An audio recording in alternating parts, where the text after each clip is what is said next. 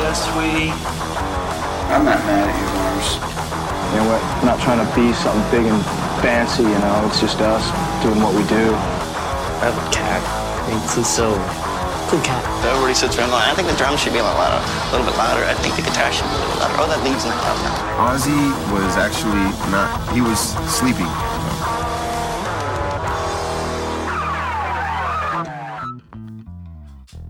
Já, komið þið sæl og verið velkomin í þriðja þáttin af Túlúkallar.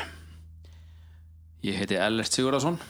Ég heiti Sigur Haldarsson, ekki pappans. Nei, þetta djókur er aldrei þreytt. En uh, við ætlum að halda áfram á sömu braut og fjalla um plötunar uh, í þeirri rauð sem þar kom út. Næsta dagskrá er svo plata sem að er eiginlega svona glóbal samþykju um að sé besta platan. Já, ég held það. það eru flestir saman um það ég, ég held eh, persónulega hún sé best, mér finnst hún persónulega best en hún er ekki uppáðsplata mín Nei, mér finnst hún best þetta eru bestu lögin og eh, já en það er bara eitthvað örugláti, ég heyrði svörtu plötuna fyrst það er bara eitthvað við það, ég veit ekki þetta er svona svo fyrsta ástin eða eitthvað, fyrsta kærastan eða eitthvað ég, ve- ég veit ekki það hverju þetta er en bara svarta platan er þar hjá mér og það fær því ekkert breytt því miður en ég er samt samanlega því að bestu lögin eru á Master of Puppets er, er hún í toppsætinu í þig líka? uppáhaldsplata mín. Já, Hún er ekki uppáhalds, en hún er náallt í. ok Hver er uppáðsplatan? Það er rætt, það er læti. Það er rætt, já ok Þannig Það er eitthvað við hljómin í henni. að þú sem ert ég- búin að toppa Já. Nei, svo ég er alltaf líka hrifin að, veit ekki hversu vinsast þetta Avengers til splötunni.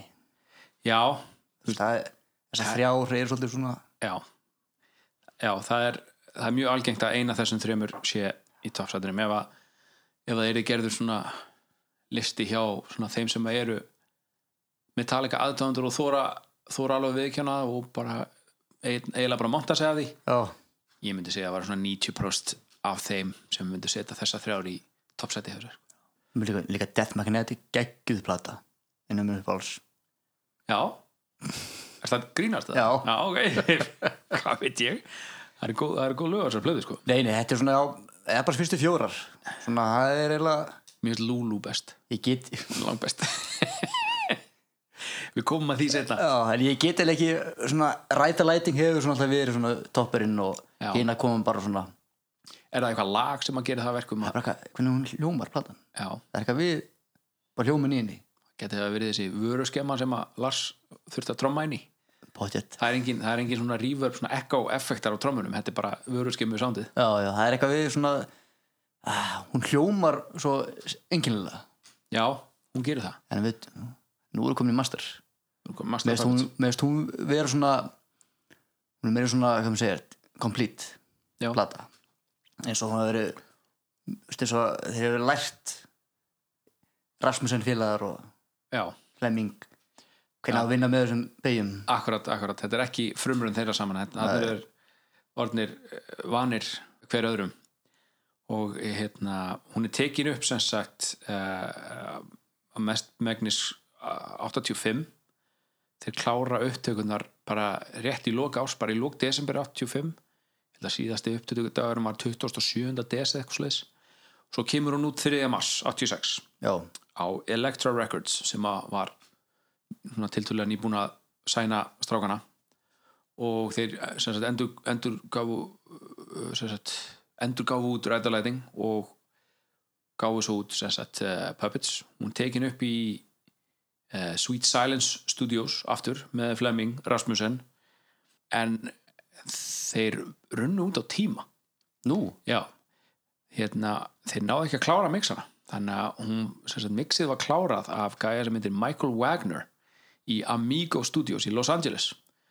með digrið aðstóð James og Lars að sjálfsögðu já, þannig að það eru það eru nokkur það eru einstaka partar sem voru teknir upp aftur þar já eða já, bara teknir upp, ég veit ekki hvort það var aftur svo sem uh, en já, þeir brunnu út bara á tíma í Danmörku á einhverjum ástafum, kannski var Flæmi með önnur verkefni sem hann þurfti að Já. var búin að lofa sér í eða eitthvað slags en eh, uh, já, þeir, þetta var bara alveg það allra síðasta var klárað í Los Angeles bara getur verið að því að þeir steittu meiri tíma í svona alls konar tilraunir með upptökur og svoleiðis já, það getur verið, þeir voru kannski orðnir bara kröfuharður á sig sjálfa sko. já, að það þýtti ekkert að vera bara kill em all feeling sko, og, ekki, og ræta lætning var gott en nú skal já, já eins og félagi minn sem er vittur skáti sagði oft má gott gotta Já. ok sem er stúpid en eh, þetta, þetta uh, snúa þessu við í annað já, já, já, nei, nei, við skulum ekki gera það það er annað podcast það er Alien podcast, þetta podcast og, já. en eins og allir þeir sem hafa einhvern já, hafa svona, já yfir meðalagi áhuga á Metallica þá vita þeir að þetta var síðasta platan sem að Cliff Burton tók upp Clifford Lee Burton hann og Kirk voru með sama millinafn Kirk Lee Hammett, Clifford Lee Burton skemmtilegt en The uh, Lee Brothers The Lee Brothers þeir voru líka alltaf saman á hótelherbyggjum og Já, já. lightning-turnum og, og hérna, killamál-turnum og um, hann náttúrulega dó þarna í 27. september ára 86 Svíðjóð já, Svíþjóð, Ljungby, rétt fyrir utan Ljungby 19 km norðan við Ljungby minni mig, í bænum uh, Dörab já það já, ok þannig að Ég það held- er til, ég held að þetta er sé- minni bara en Ljungby já, já, ég held þessi skiltaðan einhvers staðar sem er með mynda svona það er það það er hérna og án og kliff já, og fólk það eru sumir sem að fara þarna árlega á sem sagt, þann 27. september og setja blóm Já. og, og annað og heiðra minningu hans sem er mjög, mjög verðingavert en uh, forsagan af því hvernig Cliff uh, hérna dó þá voru þeir voru ekki sem sagt nú margar svona góðar kójur, að nógu góðar kójur í, í, tú, í sem sagt í rútunni, rútunni rútunni já, sem þau voru með á turnum þar sem þau voru að spila með sem uppbytunarband fyrir Ossi og hérna áður en þau voru að leggja á stað hérna þessa aðfaran á 27. seft þá draga sem sagt Cliff og Kirk draga þeir sér hvort spilið úr spilastokk og sá sem fengi hæra spil mátti, mátti fá að velja hvað er að myndi svo já, og Cliff dró spaða á sin Kirk, að kom, ég fann nú ekki út hvaða spil það var sem hann dró Nei. en það var eitthvað minna og ómerkilega spil en spaða á sin og Cliff sagði við Kirk ég ætla að fá þína kóju og þú sefur fram í við hliðin á bílstjórunum eða hvað það var það var bara eitthvað sæti sem þú þurfti að fella niður og sofa þar þannig að Kirk svo þar og, og svo hérna var þessi svarti ís eh, black ice á veginum, hvað sem við Yeah. köllum það og það, rútan rann til sem sagt og endar á hliðinni og sem sagt áður en hún endar á hliðinni þá er Cliff farin út um sem sagt klukkan og rútan lendir ofan á honum Þetta er, og hérna svo voru þeir að reyna að lifta rútinni af og eh, helvítis hérna, græjan til þess að lifta, hún slitnar þannig að ekki nóg með það að Cliff endaði undir Talían rútinni eða- ég, ég, það var eitthvað sem að slitnaði þegar Já. þeir töluðum um þetta í VH1 hérna Behind the Music Svo að ekki nóg með það Cliff endaði undir rútunni og ef það var einhver vafa á því að hann væri dáin þá, en, þá endar rútan að því að skella aftur ofan á hann, þannig að það var þú getur rétt ímyndaði hversu ofbóðslega sorgmættir og reyðir þeir voru já, James ætlaði að berja rútubýsturinn bara eitthvað, hvað er þessi ís sem þú veist að tala um sem, að, sem að enginn sér, hvað er hann, síndum er hann þeir voru bara ráfandi hann um á nærfötunum að, að reyna að finna einhvern ís til þess að bara hérna kenna rútubýsturinn um sko. ég held að hann hef, hefði kannski sopnað eða væri drukkin eða eitthvað svo liðs já Veit, hann- hann- hann deyir hann eitthvað 27. september 27. 7. Já, og fyrsta giggi með Jason var hvað, eitthvað fjórum vikum eða þremur vikum setna, það var Já. eitthvað alveg bara þetta, þú veist, þetta er ekki leift í dag sko. en þeir náttúrulega voru bara þarna 23, 4 og 5 ára og já, náttúrulega kunni ekkert á lífið, vorum náttúrulega bara búin að læra læra á lífið í gegnum það að vera rockstjörnur, já, þannig að það var ekki það er ekki, kannski ekki góð skóli fyrir svona fyrir tilfyllingarna að þroska þannig að þeir tóku tóku á sorginni með því að nýðast á Jason svolítið já, um við, hugsa já, við förum kannski inn í það svona þegar förum í Justice plötuna og svörtu kannski en hérna, við skulum samt fjallum plötuna þar sem að Cliff jú, tekur allt, allt saman upp og, og hérna var sprellifandi þegar, þegar platan var tekin upp hún náði uh, 2009. sæti á Billboard 200 vinsælsta listanum en hún komst ennþá hærra í Finnlandi hún komst allavega í 7. sæti já, og ekkert tónlistavídeó náttúrulega Nei, en svo frækt var orðið á þessum tíma þrjár plötur og ekki eitt tónlistavídeó samt svona köld uh, hérna Já. leðtöður einhvern veginn það var En- ekki engin smáskífa gefin út nema í Fraklandi já, þar, þar kom Puppets út eða ekki, Já. Master of Puppets, já eina landi sem þau gáðu smáskífu hafi Fraklandi það eru F-löndin sem er að Já. stíða sína menn Og Frakland, sam- Finnland gerist ekkert í Filipsauði með það ég veit það ekki menn í sama landi hérna í Fraklandi þá klúður er náttúrulega ræta leiting prentinu, það er rétt þá kom græna já. sem var ekki alveg stýrt og ég heldum nei, við, við vorum að fabulega um ykkur hundra áskalla en hvað, hva, sagði ekki hvað, 128 dólarar og Sagði eitthvað það svo ekki? leys En ég, ég sko eh, já, svona, fyrsta barnir er farnir að opna og ég má spila meira af giggum þá, það getur vel verið að ég kaupi bara eina græna ræta lætingplötu og kaupi mér svo plötuspilar spila hana einu sinni já, sjöndarsætti í Finnlandi og uh, gefin út smáskjöfu af Fraklandi sem ekki ekki að maður tengi Fraklandi ekki beint við hefi metalsand Eh. Nei, skemmtilegt að þetta skulle hafa gerst maður veit ekki Hva- þú veist, kannski er svona underground já, ég bara hef ekki kynnt mér það menn þið heldur flott að tónleika í Fraklandi þannig í gömlum rún, rúnum Metallica á sínum tímum hvar? í fyrir utan nýs já, þetta er svo gamalt rómverst eða svona eitthvað já, ok eitthvað svona hús, uh, hús eða svona, gamla rústir einhverjar já já, ég, ok það var, ég er að tjekka það var þessu í Fraklandi eða eitthvað stann í Evrópu já. en hérna já, þetta er það sem ég finnst skemmtilegast við þetta ég veist, við, við erum svona í sikkur á hotninu að afla okkur upplýsinga um þáttinn og ég er búin að læra alveg óendanlega mikið í hverjum einasta þætti Já, sem já. finnst alveg hrikalega áhugavert og já, vonandi eru bara fleiri með mér í því en uh, við kemum okkur að plötu umslæginu ég fannst það svona merkilegt þegar ég fór að lesa um það það var hannað af Metallica, þetta er upprunnilega svona skissa eftir Hetfield já, og Peter Mensch sem að var umbásmaður þeirra ásamt Cliff Bernstein, þeir stopnuðu þess að Q-Prime uh, umbáskristona sem eru enn þann dag í dag umbásmenn þeirra já, ekki, ekki, þeir eru ekkert með Elektra að gera þetta er bara,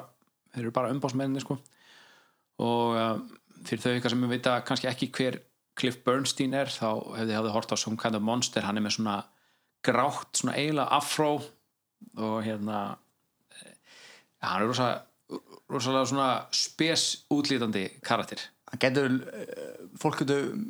miskilaðan sem róna já, alveg hygglust já, já, rosa sérvindur en rónu já, en á skýta á peningum Já, það er, það er alveg morgunljóst en uh, svo var þetta tekið eh, og hérna, málað af Don Broutigam og hann sem sagt, hannaði, eða sem sagt, málaði sagði Don Brádigan Broutigam, já, já, hann hérna hann kendi listaháskóla Íslands í hvað, þrjú ár þetta ljú já, Djöfis, ég, ég sá svipuna þér þessi brakkar á svipur sem úr frægur fyrir en hérna, hann uh, hannaði sem sagt, eh, State of Euphoria með Anthrax já, plötu logoðu þar, plötuumslæði þar, hann hannaði það og Dr. Feelgood með Mölli Grú, hann hannaði það líka já, hann að það var ekkit þetta var engin öngvisi sko, þetta var gæði sem að, og ég var að fletta honum upp það eru, það eru alveg nokkru týr plötuumslaga af virkilega þekktum plötum sem hann, já það sem hann hannaði þetta sko eða svona, já, kom því á, á en þessi umslega topiki Stríga. um, Puppets já, ég ég sé ekki fyrir mér að eitt, neitt, neina þessum umslögum hafi verið betri en pöppi, sko, þetta er svo opaslega gott koncept líka iconic Já, þetta sem sagt plötumslæðið uh, upprunlega sem, sem að hann sem sagt skilaði af sér, þessi Don Brátigam það sem sagt upprunlega verkið það sem að það voru ekki með Metallica logoð og ekki með Master of Puppets sem sagt nafnið á plötunni neðst, nei, það var selt fyrir 20.000, eh, 28.000 dollara afsakið á uppbóði hjá Christie's á Rockefeller Plaza í New York já, árið hérna 2008 minn mig að ég vil lesið en uh, já, þá skulum við fara svolítið út í upptökuprósessin hann hérna, hann Cliff hann átti það til að, að hérna, breyða sér svona frá og vilja svona vera vilja eða bara svona fara heim oft og hann var ofta býstnast yfir því að það var ekki, það var ekki neini mexikóski veitingastæðir í köpun og Akkur er ekki, akkur er ekki morgumatur serverar allan daginn á neinu veitingastæðin þetta er glata sko, ég vil fá tacos og ég vil fá morgumatur allan eh, þú veist, allan sólaringin hún fannst aðlega en eh, og þegar þú voru að taka upp lightning þá keftu fóreldur hans flugmiða handunum og og hann fór heim í einhverja vikur og kom svo aftur og hérna, hann er ekki alveg að höndla köpun nei, þetta er svona á svona dálaturnum nei, já, nýjunda nýjunda en hérna, þetta er náttúrulega allt annað þetta er náttúrulega ofbóðslega mismyndi kultúra, sérstaklega þarna það sem er ekkit internet sko, Já. fréttindar færðu sko ef þú ert heppin þá færðu þær svona 6-7 tímum setna, var kebab komið hann það er góð spurning það er annað podcast kebab podcast en já hérna hann, eh, hann já, fóreldrar hans voru talsveit efnaðari en, en fóreldrar hinna og þetta sem sagt hann var svona, hann var svona mömmustrákur já, bara hann svo rosa heimaker bara já kannski mömmustrákur, það er ekkert að ég þetta er vera svolítið mömmustrákur svona þetta er svolítið bitchy það get ekki að, að vil ekki sofa inn í stúdiói ég meina ef að fóreldrar mínir myndu kaupa bara fyrir mig með það og ég, ég var í kortið búin að taka upp allt sem ég átt að taka upp ég hefur örugglega gert þetta líka já þú veist í, uh, frá Danmörku til vestarlanda bandaríkina já, þetta er, þá var þetta örugglega svona 12 tíma flug já get ég trúað en hann var, hann var með heitrá Já, hann þurfti að fara heim já já þetta er svona en já, svo uh, jú, Flemming Rasmussen eins og við komum inn á hann pródusera plötuna, en hann var ekki garanteraður þó hann hafi uh, fengið rosalega góðar hérna, góð viðbröð eftir lending þeir reyndu og vildu fá Getty Lee bassarleikurinn og Rush Já. þess að pródusera plötuna það bara gekk ekki upp út af dagskrá begja hljónsvita það bara voru áreistrar hann í dagskráni sem að bara því miður gengi ekki upp það hefði verið forutnilegt já það hefðu sérstaklega það sem að gætir nokkura röss áhrifa á þessari plötu já eins og við það komum er- inn á eftir hvernig hefðu getið lífið verið að skipta þess af kliff já, nefnilega, getur líka nefnilega ein, einn af átrúnaðgóðum klif sko. já og það hefði verið að vera að fluga á vegg þar í þessum fantasíheimi þar sem að geti lí Protestor Puppets það, ég hefði, ég hefði gefið mikið fyrir það annan handlegin jafnvel tær tær, minnstakosti það er ön- önnur vít önnvít. Svo er annað eh, Def Leppard kemur við sögu á þessari plötu af vissu leiti. nú Já, Lars var með hérna, var komin á samling hjá Tama trómu, hérna, trómu fyrirtækinu Tama sem, að, sem að hann spilar ennþann dag í dag á og nema það að hann fekk snerutrómuna sem, sem er tróman sem að spilar yfirleitt á tveimur og fjórum í bítinu svo kallaða backbítið hann fekk Ludwig Black Beauty snerutrómu lánaða frá Rick Allen úr Def Leppard fyrir þessa Já. plötu og ef, ef ég má trómu nördast í smá bara örskamastund þá er sérst Black Beauty Ludwig trómunar gott ef þeir eru ekki þekktustu uh, stúdíó sneriltrómur bara ever það er bara, það er eitthvað, þetta er eitthvað sound sem er bara er alveg gjössanlega iconic fyrir rockið og ótrúlega gott sound ég leigði svona um daginn þegar ég fór að taka upp hérna, trómur í stúdíói já um daginn á 2015 um daginn, mér finnst þetta síðan en já, ég leiði mér svona hjá Exton og þetta bara, þetta er alveg sko. ég, E, ég, Comfort. ég, ég heyrði þessa, þessi snirill það er rosa gott að hún er rosa góð fyrir hægrændina Black Beauty, já hvert ert að fara Sigurður? leiði þetta er ekki sem ég heyrði fyrir hægri hendina? Já. Ertu að djóka það? nei ok, fyrir hægri hendina ég spilaði meira, meira með vinstri það er náttúrulega bakbítið að maður er réttandi framleikar á eftir yfirleitt bakbítið með vinstri sko. já maður krossaðar hendur Já, vinstri ég eða, þú veist, eh, þessu góðu snýri þú þarft bara eina hendi já, ég veit ekki hvort þeirri þetta eða hvort þetta fók í mér en já, allavega þá skil ekki um að kveikja perunni, það er magnað nei, trómar Def Leppard já, hann misti vinstri hendina held ég já já, Já, afsakið þið sem eru að hlusta, afsakið hvað ég er trefur Já, þau náttúrulega að vita þetta En, ok, fyrst við erum að tala um hann þá hérna, trommar eru oft með svona signature kjöða Já. trommi kjöðar sem eru hannaðir eftir þeirra óskum og það er fa- niður í sko 0,00 mm 0,001 mm svona þykkara hér og eitthvað þannig um, og hann Rick Allen á er með hérna, signature trommikjöðpar og sem sagt ef við erum að tala bara keift beint úr einhverju hljóðvarabúð þá er þetta dýrasta trommukjöðpar sem þú getur keift sem er soldið Ironic, þar sem að hann notar alltaf bara einn já, en þetta er einhverjir, það er einhverjir leysirar í þessu og eitthvað, svona, þetta er eitthvað svaka já það er Svaka magna að flashy. gæin hefði náða uh, aðlagast Já, þetta bara, það virðist ekki hafa komið niður á tónlistinni að neinu leiti Nei. og það er magna en ég, ró- ég dáist þessu trómara þegar að hafa Já, ég líka. bara náða aðlagast þetta er bara magnar Já, það hefðu margir bara gefist upp og sagt, nei, Já. ok, nú bara það var bílslis hafa býst þess, já en aftur á master Já, uh, Lars fór í trommutíma og ég gróf svolítið langt og lengi eftir þessum uppsingum. Fyrst gerði ég ráð fyrir því að hann hafi farið til Jeff Campitelli sem að var eh,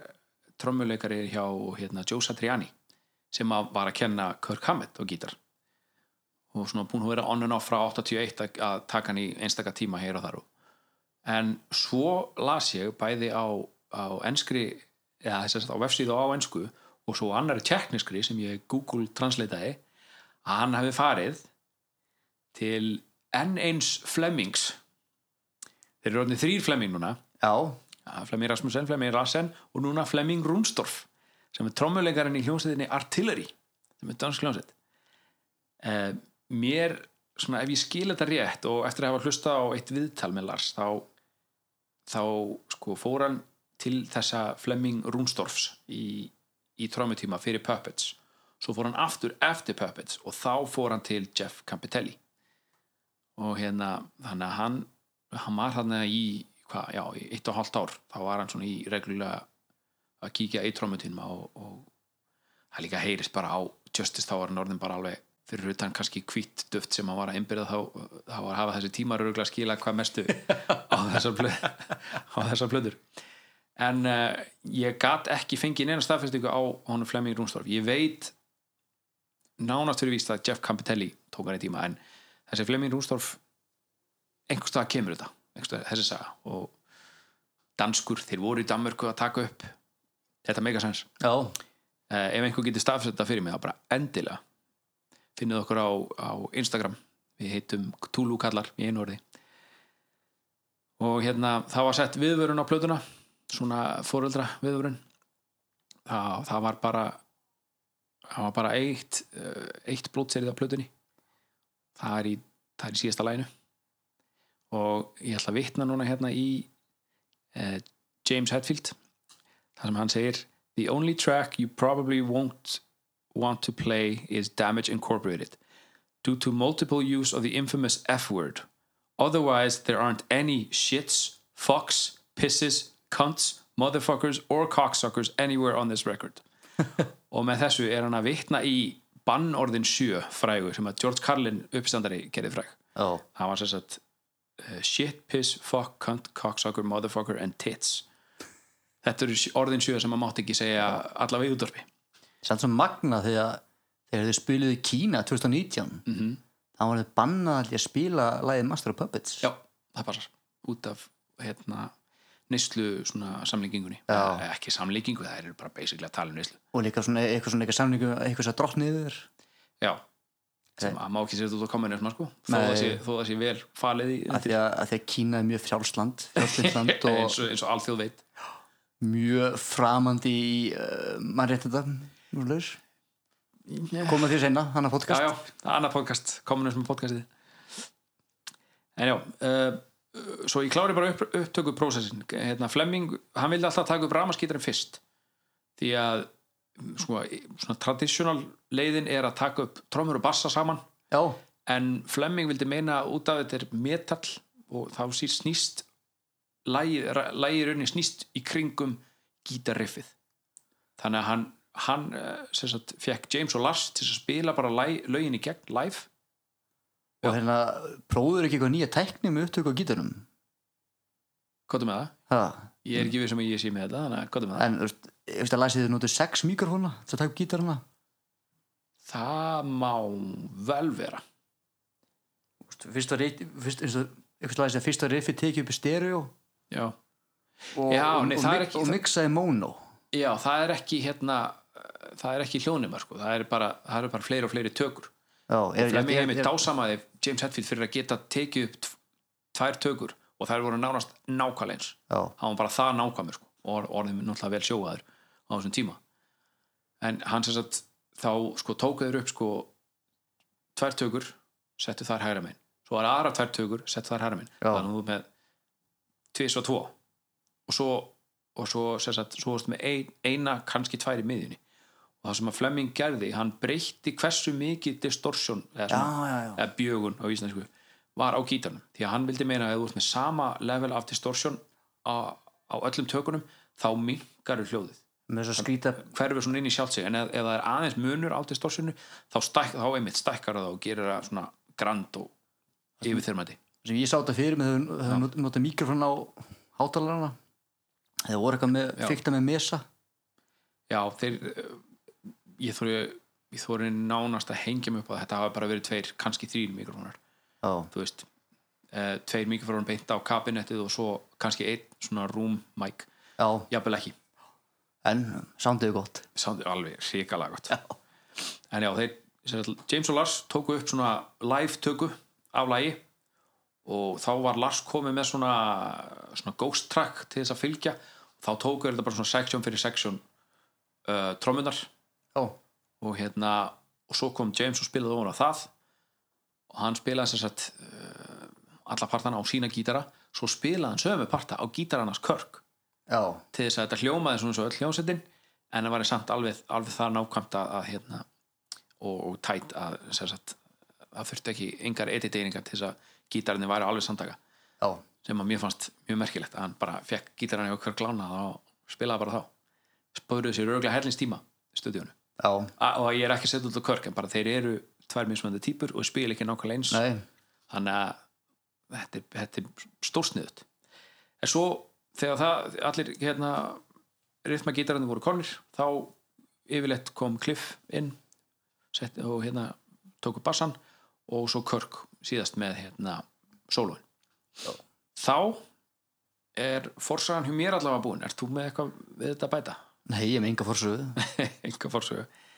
herru, þá það skulum við var bara dempa okkur mjög, mjög flott fórsöðu Já, það þakka þér fyrir. Þakka var mjög, ég lærði, ég lærði svolítið af þessu ég gerði mitt besta, ég læri líka þessu ég, hérna, þú, já, þetta, já, eins og ég segi, þetta er beauty við þetta Þá- podcast, ég fæ að læra líka það var sem komið fyrsta læginu battery og hafa ekki um raflöður nei, það er bara um batteri, já, sem eru eh, barningur, getum kallað það barningur barningur, já, að berja einhvern ekki, barningur ég, ég veit það ekki, allavega, það kemur í ljós fyrsta lagið á plötunni battery, gjör svo vel þetta byrjar svona sviðbjörn fílingur og fight fire with fire já, þetta er byrja með svona eitthvað svona Mhm. instrumentali svona gítarspili skemmtileg þróun þið byrja á bara á svona feitin og svona eins og við talaðum um ruslatunendi já, svo komaði með bám, bám, bám, bám bám, bám, svona klassík, klass, klassiska fílingir, fight fire og líka feitinn já og núna faraði bara klassísku leðina, eða svona þannig sko og, og fara svo inn í hratt Já. hratt lag en þa- það er ekkit, þeir eru ekkit að læðast inn það er bara mm, kemur að bám, bám, bám, bám, bám, bám, bám, bám þegar þeir koma inn allir sko já, já en þetta er magnalag já, og ég er verð ekkit með rafluður að gera svo, Nei. svo við st- stimplum það inn aftur já, ekkert meira flöður að gera þetta er svona í minnst textin verið svona vitnað þema sem verið í kilomál svona svona talar um battery street í miðbæ í San Francisco borgar já, þessi margi klúbarnir sem þeir komu fram já, eru á þeirri götu já, akkurat og eitt frægasti svona er The Old Waldorf á Waldorf. 444 batteri í götu mikið um salutar, nei, djúk já, sorry já ég hugsaði þetta og ég bara, já, ég ætla að segja þetta Nei, þetta ef við minn rétt, glatað. þá kyn- kynnas ekki Körk þar eða á, á þessum stað Jú, þetta var allavega fyrsti staðurinn þar sem að Exodus og Metallica komu fram sama kvöld já, og það voru einhver tvö kvöld þarna með stuttum millibili þar sem að báðar hljómsveitir komu fram og það er svona, já þar er allavega konkrétt en Já. þeir vissu afnáttan á afkörðurum hérna allavega báð, hvort vekja hljómsveitir frá þessu svæði sko, Já, já. Bay Area hérna að definu og eru svona sömu þess að semu hreyfingu sem er svolítið vitnað í læginu já, nákvæmlega, Þetta er svona- familjan þú veist hann, Can I Kill the Family Battery Found in Me já, akkurat þetta er svona eins og sé að tala um sinuna þessa, þessa, og hún er tengd við þessa gutt þessa, þessi thrash metal sina eða metal sina sem var á þessu svæði og hún var svona gegnstift heild Já. Svo þeir, þeir svona stóðu saman svolítið já, Smashing Non-Believers já og voru svolítið- voru svolítið aðeins að tala um þessar sinir sem höfðu, þú veist Quiet Riot, Akkurat. Mm. Mötley Crüe, Poison já, þessi voru í hérna glam, glam metal glaminu Logis Los Angeles já, og hérna þau þurftu að aðtekli út á útlitið en Mm-hmm. ekki í tónlistinni akkurat en þóttu mörgir sér glamur með catchy lög en Já, þetta- þetta er já, já, ekki, þetta alveg er samt ekki 100%. sama kalibri finnst mér í svona s- s- sama samengi og hérna hérna uh, Metallica er nei, alls ekki, þau var ekki saman markmið hjá þeim nei þau voru þú veist, þú- þú gæst hugsa eins og glam síðan hún geti, Já. hún geti stíga á því fyrsta tæ- tækifæri Já, hefur bara bara meira svona, já, hvað getum við gert þess að næli fleiri stelpur? Já, en talandum um stí, stífa baki fólki, just, minna, hvað gerum við við Dave? Hann Já. var Nánast svona Já.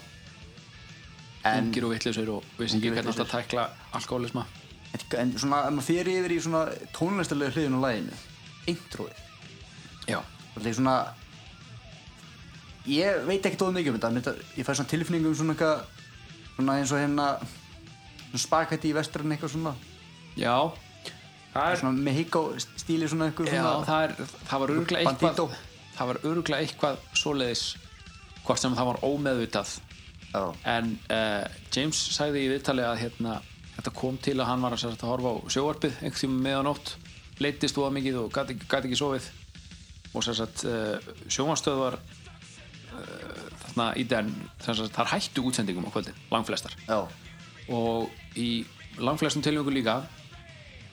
var hérna var þjóðsöngur bandaríkjana spilaður í lóku útsendingar já, það var þjóðsöngurinn, svo bara búið hvort, hvort það var sett á bara eitthvað útarp eða eitthvað sliðis en þarna í, á San Francisco svæðinu sem sagt Bay Area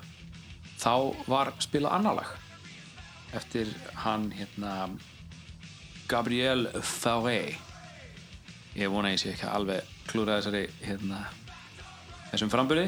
hann er sérst franskt tónskáld og ég ætla bara að spila fyrir ykkur hérna, örstuttan bút úr læginu þetta er símaháttalari því verða, þið verða að fyrirgefa mér en s- þetta er lægi sem hann hljómaði í lók útsendingar og fekk James Hetfield til þess að rífa fram kassagítarinn og spila með og svo fór hann að búa til sína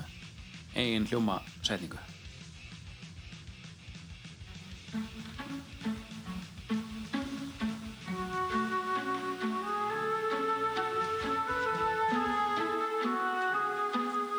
þannig lagði hann bara ein já, og svo kemur önnur rödd hérna ofan á það eru tvær rættir saman svolítið stígandi í læginu sko, það er aðeins meiri hreyfing á læginu núna já, ætla nú ekki að spila meira af þessu en þarna fekk Hetfield hugljómun Já. sagði já byrja eitthvað svona rosalega einfalt og svona einfalt og svona, svona ekki, ekki viðkvæmt og svona delicate, svona rosalega mand með það svona rosalega, já bara lítið og, og kannski saklust, getur sagt það já, og hann byrja bara á hljómunum svipa og þetta gerir hann bara, það er hann að selló heyrist mér að spila þrýljóma og svo kemur inn einlega lína og svo er röddun ofan á það og svo röddun ofan á það og svo allt í önur, allt bandið komin inn og komið inn og bara farin að spila metalútgáfa af sama introi og þetta er bara út af að veist, hann var bara gæti ekki sofið, leittist bara samt í introða batteri neða, þú veist, no biggie Skulum við þakka Guði eða einhverjum með alla eða votta Jóhóa eða einhverjum fyrir það að San Francisco hefur hef svolítið verið svolítið öðru sér borg já alveg, ekki, hef ekki 100%. verið með hérna svona hippaborg hafið við haft þetta í staðan fyrir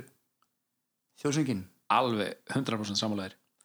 og paldi ég að hann hefði bara átt einhvern iPad og var bara í Angry Birds í stað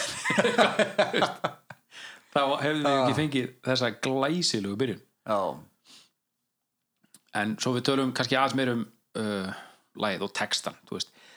þetta er svolítið mikið um að um uh, fjallar en það svona s- aftur eins og Killemál finna póserana og já, bara laga, hei, þú átt ekki teima hérna hjá okkur sko. nei og þannig, þú veist, lashing out the action returning the reaction weak or ripped and torn away væsklarnir eru bara teknir og þeim er hent já, Þetta, hann er bara þarna í fyrstu þremur línum er bara að lýsa senunni sem var þarna á batteristætti hypnotizing power, crushing all that cower battery is here to stay þetta er bara þetta er, æ, þú veist, og aftur er ég að fá gæsa og þú bara að lesa texta þetta er, þú veist ég sé bara fyrir mér þessi gata Battle Street og með menn sem voru, í- voru í leðrinu eða ekki í leðrinu, það er svona í kannski galarnu með hennar með byssubeltin, Já. byssukúlubeltin sjá mann með blásið hár, já, smá meik svo e, er- var make-up make-up hans eftir kvöldið í glóður eða já, blóðuða varir það er kannski sást ekki hann að vera lamin Nei. já, en þetta er við að að þessu. sjálfsögum stiði, stiði mikið ofbeldi en, en svona var þetta já, þetta er rosalega gott statement til þess Já. að byrja plötuna enn og aftur hittaði naglan alveg dead on á höfuð og hérna og ég fíla hvernig lagið fer í svona halftime þess að það er helmingi hægar já, í miðinni hérna þegar hérna uh, hvað segja, þetta er- þetta er miðjúkablin kablinu undan gítarsólónu já, þá, þá svona, ok, ok, hvað er að fara að gerast ég, sko, ég man ekki hvernig ég heyrði þetta fyrst að ég var svona að reyna að setja mig í þau spór að lusta á þetta eins og ég væri að heyra þetta í fyrst skipti já og svo þegar það kemur þetta, þá var bara eitthvað, ok, ok nú komur svona miklu meiri shaving yfir samt hægara beat Ég alveg, "Ah, ok, ok, og hvað svo, og hvað svo og svo bara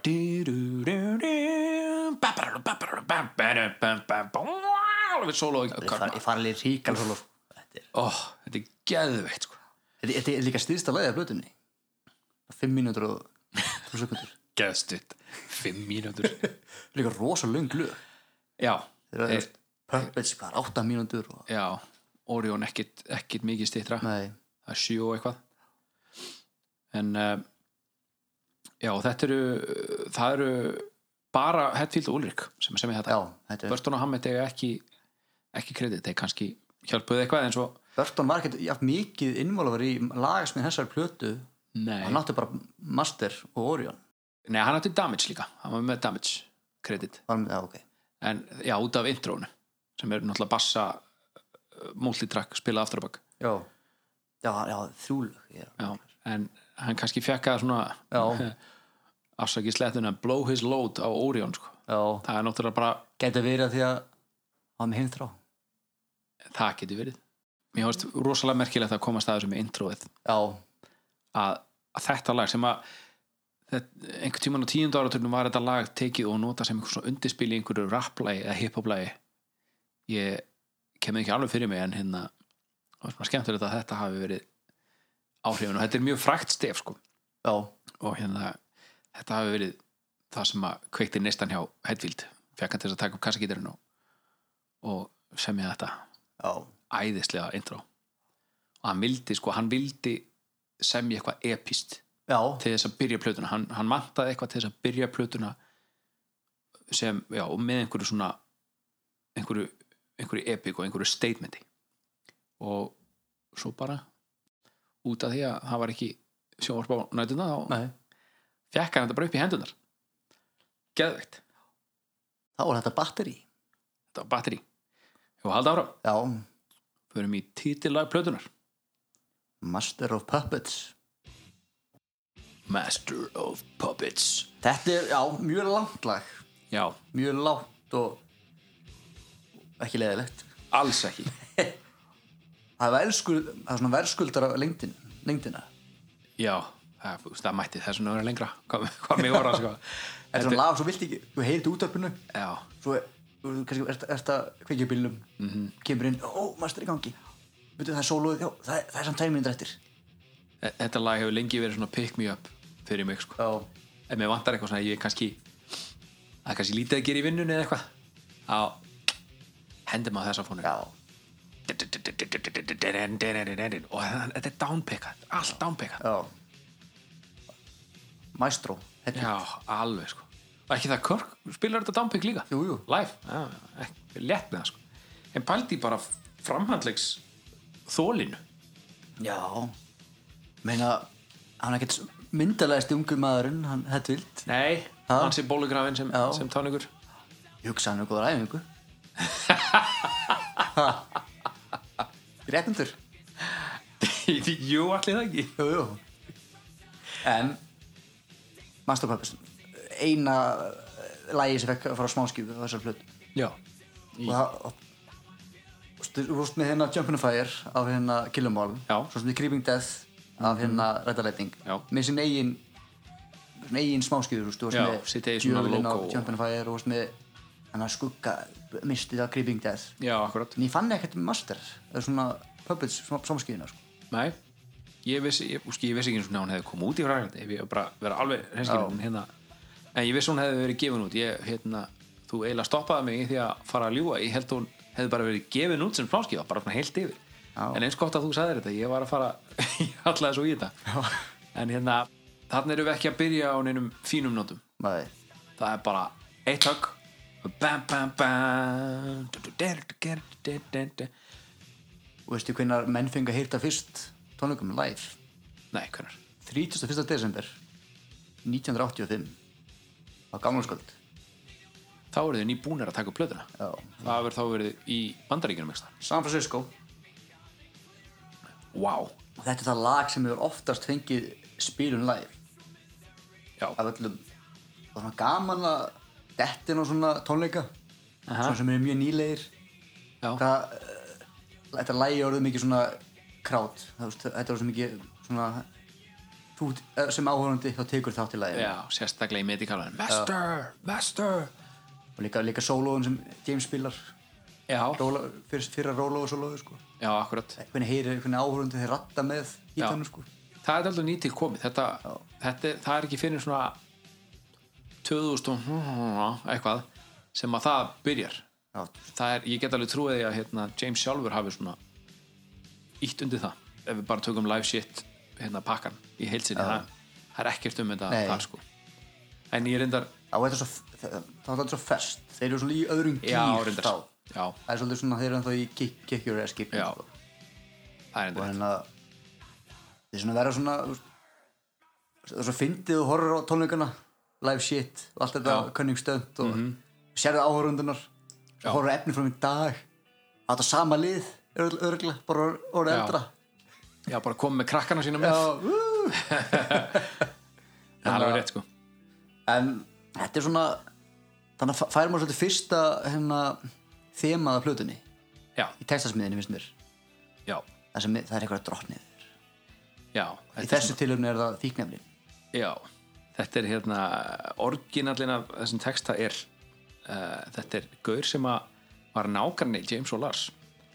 sem heitir Rich Birch þeir kölluðu hann Skeech Ég er ekki, að- ég er ekki, að- ég er ekki ljó ég heyrði Lars segja þetta sjálfan sko. ekki einn persónu, ég var að hlusta á viðtalan uh. sem sagt, þeir kölluðu hann Skeech og hann var oft bara hjá þeim og gisti hjá þeim og eitthvað hann byrjaði daginn sinn með speil í hönd já, og gerði sér saksaði þarna til efni já það var hans morgumandur shop your breakfast on a mirror Aha. og það er, það er eitthvað hann í- sem sagt, fór nú ekki út í meiri hérna, smáðatrið en það en hérna, hann sagði að það er- það er ímislegt í þessum texta sem að fjallar beint um þennan Rich Birch já með þessu skrítið og svona tala um svona fíkn og Já. þeir voru þú veist, þeir hafa ekkert beint verið að viðkynna þeir hafa ekkert verið í þessu hörðöfnum sjálfur Nei, þeir, það er alltaf, alltaf að tala um alkohólið já, þeir viðkendu svona fyrir bara nokkrum ára síðan að þeir voru þá hættir á kókaðinni sko. Mhm. Körk hérna meiri sér að tala um að hann hafi prófað heroin já, bara leist ekki á það sem betur fyrr Já, já. hann prófaði það einu sinni og bara þetta er ekki fyrir mig og, og hérna sagði bara skilja við það strax sem betur fyrr alltaf þeir hafa fengið sumu leksju fyrir að lemmi og eins og margir aðrir hún var eða þú gerðu, fáður kókaðina spýtt Já. leðu smertir heroin og þetta döður já Körk hefur ekki tekið það almennilega til sín Nei. hann, hann eða allavega sko. þú prófaði veist, hvort, eða þú veist, hann sagði nei, hvort hann er bara að tala um amfetaminni spýti Lát, láta kókaðinu og heroinu friði það er, já, ég man ekki alveg hvernig það var hann, hann talaði mikið um heroinu væri það sem dræpi menn já sem við höfum gert alveg, já, já, alveg 100% en það Lemmi, hann náði mörgum árum með, í sama lífstíl Já, hann gerir það þegar hérna hann, hann var haldið upp á afmælið hans hvað er ekki, sjötugs afmælið hérna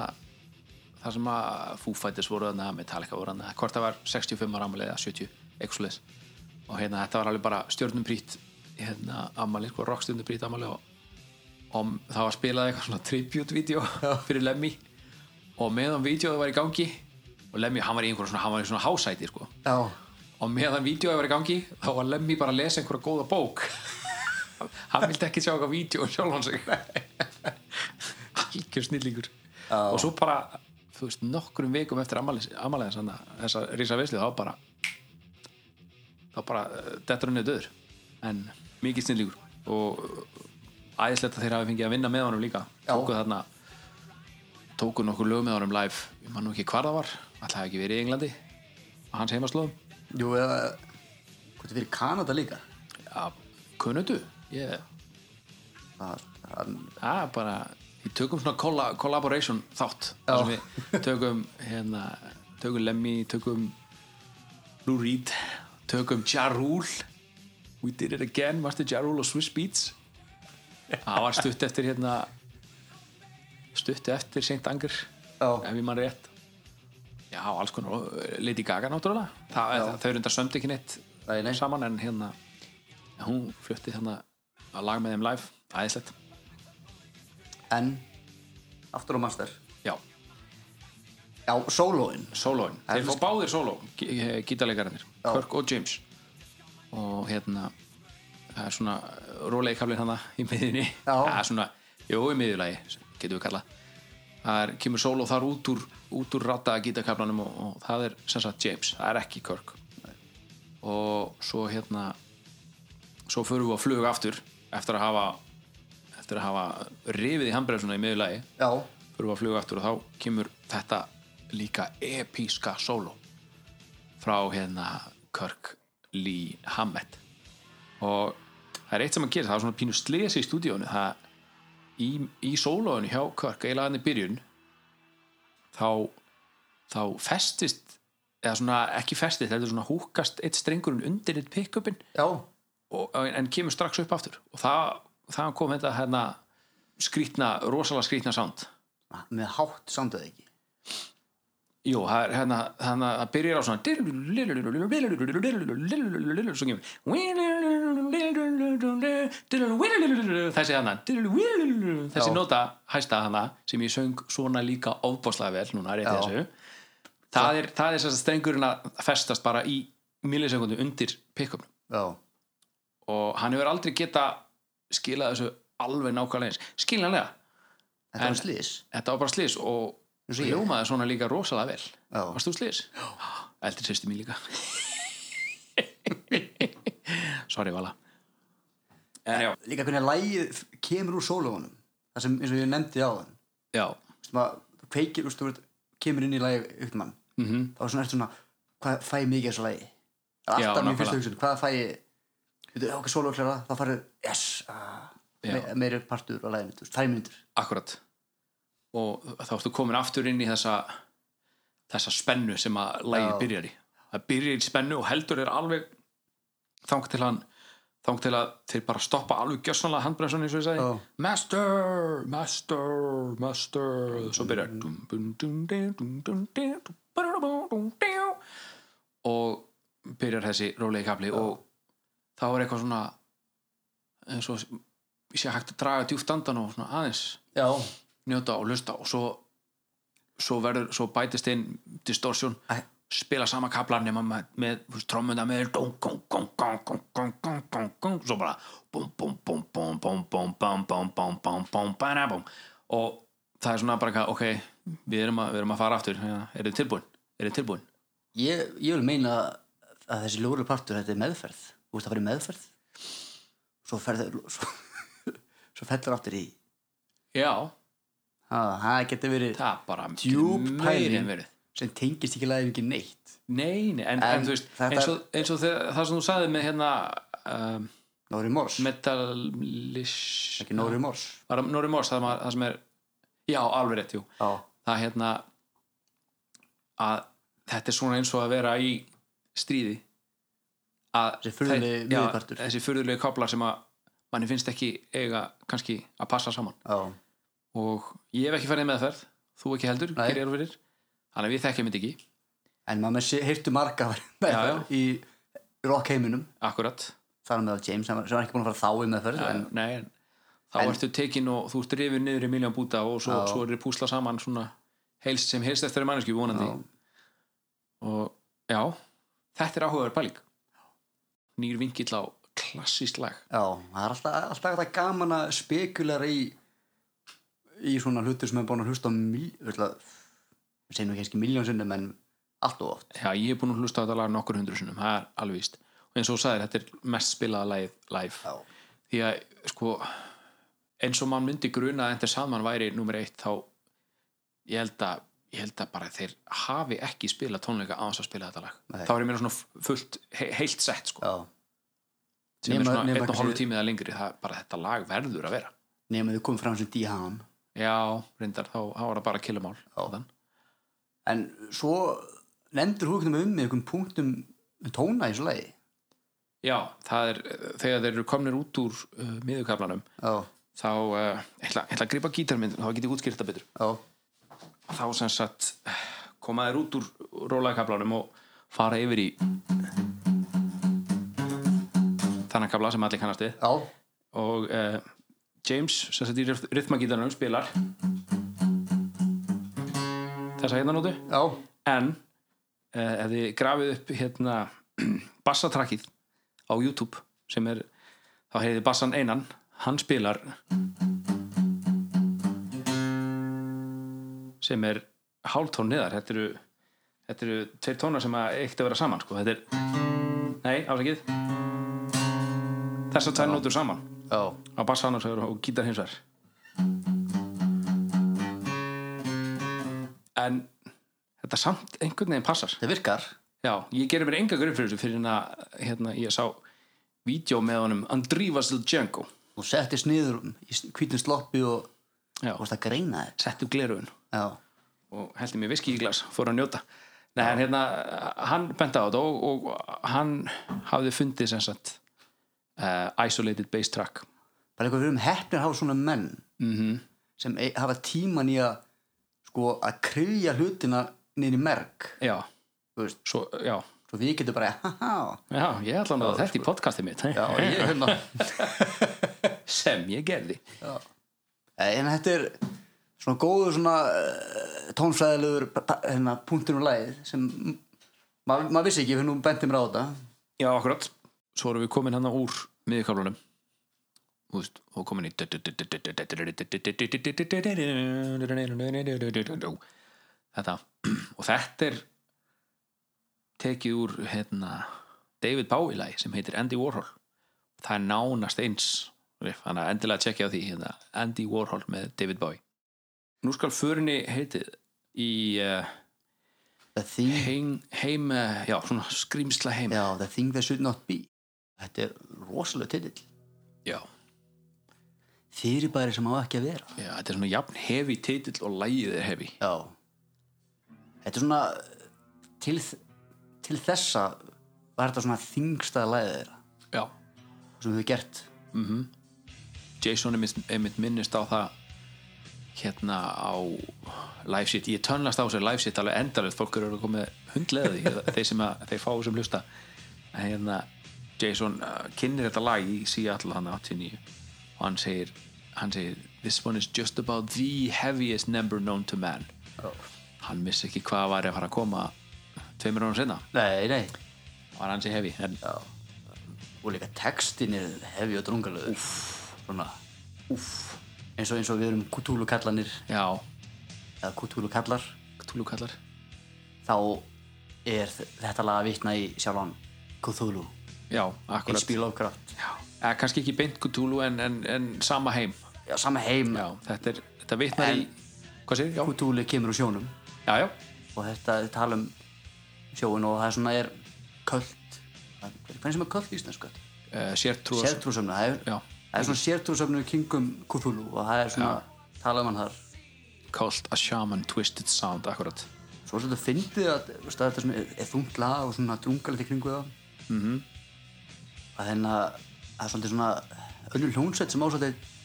á heima í þessu lagi svolítið svona Já, það var, var talað um að uh, það er að það komum við aftur að hann um Getty Lee Já, og Fílar. Rush. Rush, og þú veist að tala með bókinni Rush album by album já, það segir Körk að nefnir krökt eitt, eitt og riff, riffunum úr laginu Jacob's Ladder og að finna í The Things You're Not Be já ég var að bera þetta saman í dag og og þetta, er- eh, það er hægt að tegja hlutina til þannig að Já. þetta passi en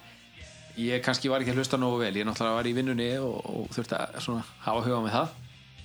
en uh, já, ég þarf kannski að setjast niður bara með góðan kaffibólla í einrúmi og Já. bera þetta saman saman með sko, ég var einmitt að reyna að finna te- te- tenginguna Ég fann- Þetta er ekki eins, eins náið og, og Andy Warhol, David Bowie eh, og Master of Puppets tengingin sko. Nei, nei. ekki nærrið því Þetta er- hann- þú veist, hann, hann, hann nefnir að Körk að þetta í bókinni, rössbókinni sem er svona með skrítið, ég fann ekki teng- tenginguna ég hlu- hlusta á Jack Blatter Já, þetta er allt öðru sér lag já Rush er ekki þeir eru miklu meira experimental frekar en heavy já, já, þannig að já, þetta, þetta er tvær rosalega ólíkar hljómsættir báða geður já, þetta er, þarna er í fyrsta skipt sem þeir droppa sem sagt, þeir eru í drop D túningu, þá sem sagt stillaði lagstastrengin sem sem sagt á að vera E þá stillaði hann niður í D Yeah. þannig að það er ennþá, ennþá dýbri sem sagt já, Eh. það er dýbra dýbra, það er dýr farið dýð og svo spilum við Pornhub intro þennan eittur og nei en uh, já, þetta er draugalegt lag Já. rosa, bara svona creepy vibe yfir þessu allan tíman og svo heyrum maður svona í, í bakgrunum svona, svona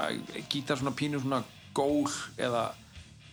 vein frá, frá Kirk Hammett sem er að skapa einhvern hljóð þeim annað eins og eins Það og er fólk, vi- fólk sem er að bygg, öskra á hjálp eða ég vil bara hljóðin í Cthulhu sjálfum eða eða það veit ekki eitthvað- eða eitthvað verur annar vitt að koma úr Akkúrat. sjónum já, já, hvað þetta er þetta er eh, tekið úr eh, já, þess að innblásturinn er tekið úr bókinni The Shadow over Innsmouth eftir H.P. Lovecraft og eh, já, þetta er svona skrif út fyrir kassan þetta er mér finnst þetta að vera svona allavega hinga til á plötunni þá- við förum náttúrulega lengra setna Já. en hinga til á plötunni, þetta er lengsta skrifið út fyrir thrash metal kassan já, finnst já, mér og líka textan hinga sko. til bara af öllu að Killamál Lightning og núna uh, sem sagt Puppets og líka te nei, texti gæt sko, maður alltaf pælt í textina á þessu plötu eru svolítið svona eitthvað sem drotnar yfir Já. þér utan batteri já, Cthulhu er svona eitthvað drotnari Mhm. ákveðin svona með sérdrófsöfnum og svolítið mm -hmm. hann vil drotna já, Minna, þetta, þetta hafa þetta inn í þema plö- plötunar já, já ha, þetta, þetta passar alveg 100% inn í þú veist. það, það er það má lesa, svona, ég lesa á milli línuna að hann sé svona búin að koma sér inn í huga fólks Já. breyta þeim jafnvel, jafnvel líkamlega ef, ef ekki að minnstakosti andlega á, það er eins og þú veist, hybrid children watch the sea, pray for father roaming free ég, ég skil þetta þannig að þau séu að, sem sagt, að byggjum að Cthulhu, fadir þeirra sem þau trúi sér Frelsarinn fadir þeirra. sé, já, frelsarinn að hann sem sagt fái að leika lausum hala í þeirra vitt og hann er sem sagt búin að eitra fyrir þeim eða að sem sagt að vilja þeim sín þetta, þetta líka Cthulhu saman við Trump það, sko, Trump hefur verið líkt við verri skrimsli en Cthulhu held ég, alveg örgulega en já, það er hægt að það er hægt að líka Cthulhu við Joe Biden, báður hundgamlir nei, ég segi svona, við ætlum ekki að fara í pólitík nýðingar algjörir nei, við kannski köttum þetta bara út beinin nei, þetta er sko, það er bara málið með þér þegar að þegar hefði lítið hægt að tala um eitthvað já þá nefnir Trump Já, Þetta er svona, já. Þa- þá ertu svona komin á endastöð í, Já. í, í öllum rauðgræðum Þetta er svona svo í einhvern tímann heyrði ég að svona gullna reglan á netinu ef það er einhverjir tveir sem eru að rauðgræða og eru ósámála um leið og annar er að ber hinn saman við Hitler Já. þá, þá er þetta búið Já, já. Þá, er- þá, þú veist, þá er ekki hægt að fara með umræðan og neitt lengra og ég, já, gott ef það er ekki bara rétt Já, það er góða punktur Það þarf að bera fólk við Cthulhu Þú ert bara svo Cthulhu Ha, já, nákvæmlega já hvort sem að fólk skildi hvað þú meinar eða ekki Nei, þau eru samt kjáftopp nei, nei, ég er, ég er ekkert Cthulhu Nei, nei, sérðu fálmara hérna neðan Já. neðan, neðan úr hálfsmálan á mér þessi plata Ma, maður þarf að setja, setja sér spór aðalega sem voru fylgjit frá degi 1 já, frá Killamál Mhm. og sko, hvað þessu mikið þú þurft að, svona, að samþykja þróununa í þeim akkurat það er svo margir sem eiga erft með að samþykja þróunir í svona í tónlist já, farhúsið, hraðaþrassi Gillamál svona það er ekki, þetta er ekki beint þungplata Skil, hún er bara fröð já, svo ferðu yfir í ræta læting eins og við komum á hvernig hún já er öðru sí hún er í grunninn hröð þessi plata, já, það er alveg 100% þannig að þú komin búin að fá batteri bara úf, Já. geggja þrasslag Mhm. master svona, jú, jú, ratla og Mhm. gott svo allir ertu komin þennan þunga hittara þetta mm -hmm. sjöfna upp í Mhm. já, hvernig þú veist, verið tilfinningin af manni sem alltaf hugsa hraða, hraða, hraða akkurat að upplega þessa, þessa þyngd svona heavy metal Já. það voru þrassun í það heavy metal Já, þannig er einmitt, he heavy metal og þetta var svona fer, kannski fyrstu vísbendingarnar að, að þessum groove metal sem að þeir töluðu um setna mér Já. sem að var þá Sad But True og Endur Saman, það var ekki sérstaklega hratt Nei. en bara riffin voru það juicy og feit og Já. að, já, þetta er þeir sem að sögðu skili við þá um leið og þeir heyrðu upp, hérna, upphass stefið í Fight Fire with Fire og hvað að gefa hann kannski annars séns með Puppets þeir, þeir held ég að hafi ekki bara þeim hafi ekki litast á blikuna sko. Nei. að, að þeir skuldu dyrfast að vera experimentera með eh, já, svona sound og þetta er rosalega þetta er rosalega svona þetta er svo djúft lag Já. á svo marga vegu, bæði inntæki sko, textin og, og bara og, og, og þú veist, þeir eru búin að droppa niður í D þú veist, það er allt annar hljóð og já, ég get alveg, ég get alveg trúið því að það eru margir sem að bara höndluðu þetta ekki, Nei. hreinlega og þungt fyrir þá of þungt, það var óþungt í- fyrir í þeim fyrir og eftir já, gott ef ekki Já. en ef ekki smetla okkur en fræga fjarka bara fjarkinn fræði það er lag sem heitir Welcome Home Sanitarium láta leggja okkur inn ballugu fjarkinn já, ef balluðu skildi kalla þetta er ekki, Æ, ég veit það ekki svona, jú, fyrir hann hafa það Metallica já, á, kannski á hengjanda eða hvað Já, aðdánda bara á soft hugsa þetta soft en, Soft, já þetta byrjar soft, alveg rétt en textin er sko alls ekki soft nú er það þannig Nei, þetta fjallar um uh, bara mann sem er leðurinn og hæli, geðugur hæli umblastur bók sem heitir hérna One Flew Over the Cuckoo Nest Kúkúsnest, já, eftir hann Ken Casey Já. hún kom út Er ekki- árið 62 já Er þetta ekki Kubrick, Jack Nicholson Er þetta ekki Svo mynd, ég held að Já, þú veist, jú, s- það gerði mynd sem tjeknir leik, leik 75 Já, þú veist, með Stanley Kubrick Mhm. jú, það getur passa ég held að ég held að hljóta vera Þetta er hljóta vera Og hérna Ég var svona að reyna að sjá fyrir mér Þegar ég hlustaði á þetta lag í dag Þá var ég að reyna svona að Sjá fyrir mér, ég ætla bara að vera 100% sérkinni Ég satt á klóstinu Í vinnunni já, og þetta lag var akkurat í headphone-unum hjá mér varst að beatboxa ég var að beatboxa lagi byrjar bóng, bing, bóng og, og þetta er svona flaututónar sko. ég heyri fyrir mér svona eh, ég sá fyrir mér svona eh, ding dong, svona tvo bassdrópa leka úr Já. þaki á einhverju niðurnýtt þú veist, gangi á niðurnýttum niðurnýttu geðugrahæli já, svona ding dong Svona, og svona, já. svona, það er svona ákveðið vonleysi sem er bara gefið, gefið tónnið með strax sko. og þú- þú svona tekur þetta öllu smáatriðum þú veist svona í ykkur vonleysi já, svona sipið ástand, þú veist að beatboxa já, þá vartu situr hann að og hérna já situr tekur þessum sömu- smáatriðum já, og, og ert ekki, þú veist, þú ert ekki pælið að, að, að hérna hvernig þú kemur sjálfur þér út úr þessum aðstæðum þú ert frekar að svona utan allt svona utanakomandi er þú ert að taka eftir öllu því já, Þú ert- en kannski æ, ég- ég- án þess að ég sé eitthvað ég verið eitthvað að alhæfa með þetta en já, ég sá þetta bara fyrir mig og þetta lísti svona ákveðinni geðveiki og, og vonleysi og, já. þetta er mér svona á þetta er mér fjallar um að vera stattur á geðveikra já, akkurat og ég vissi það náttúrulega og þess Já. vegna og það náttúrulega litaði Já, já. af hverju ég sá þetta fyrir mig sko. og svona var, haldur að leita því þá leita þess að því það kannski já, alveg örglega Já. sko. en skemmtilega að segja frá því að þetta er hérna skemmtilega að segja frá því um geðveikrahali já,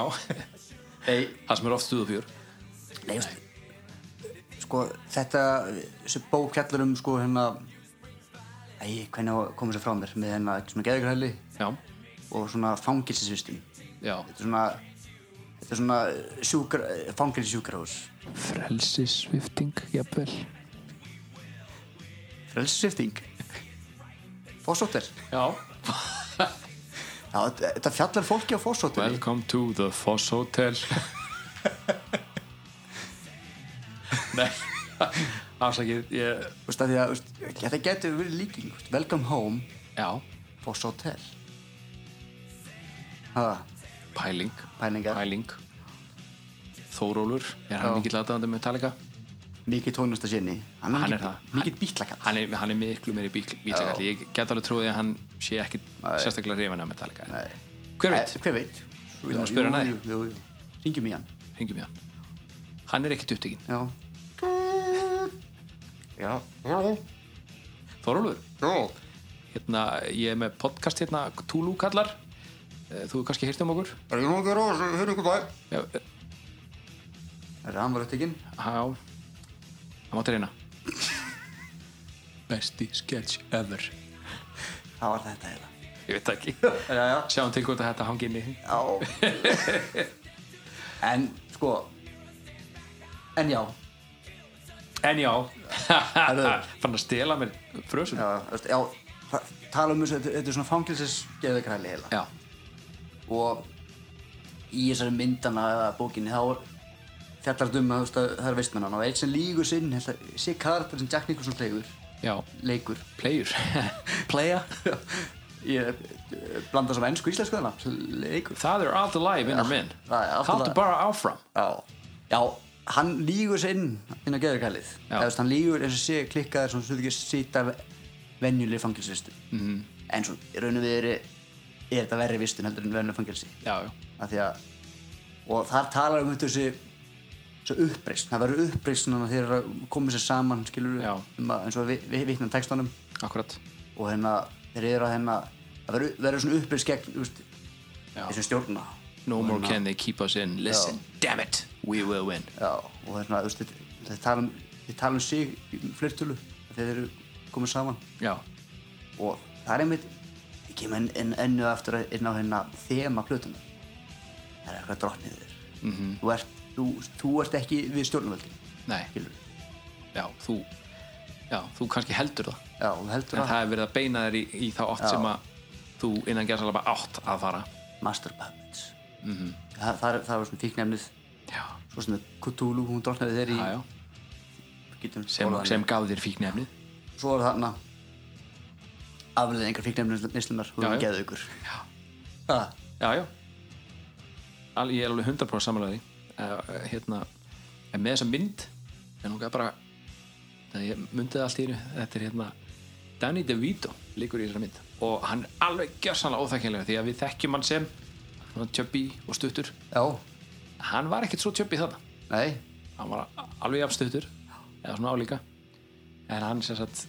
já, hann leikur bara eitt af aðhluturkunum og náttúrulega fyrir utan Nikolson þá leikur Davido eitt af aðhluturkunum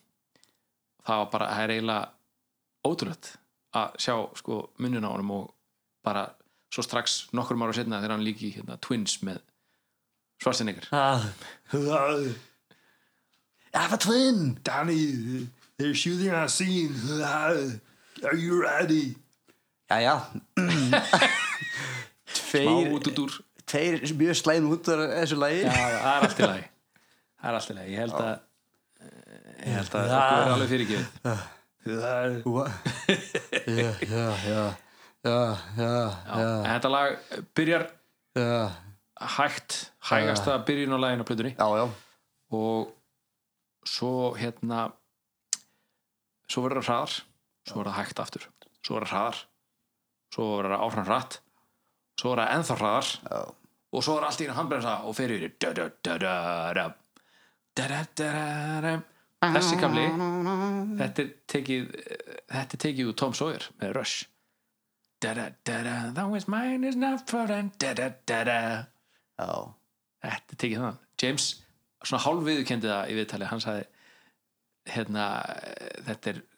þetta er undir áhrifum eh, hérna frá hljómsveit sem við skulum ekki nefna á nafn sagðan En, svo, svona, þetta var svona pínu svona, hann var að segja því, þetta, er, þetta er alveg jafn auglust og þið haldið svona, það, það var það sem ég fekk úr þessu kommenti hans það hefur alltaf verið hann í, í tónlisteiminum að það hafa komið áhrif og öld og slags eins og bara Daisy Confused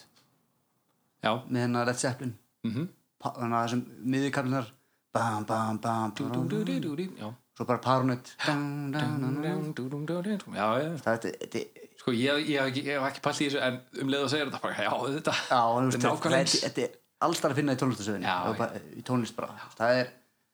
það eru áhrif mm -hmm. skilur sem er- menn eru undir einhverjum vissum áhrifum af sumu tí- tímumbili já,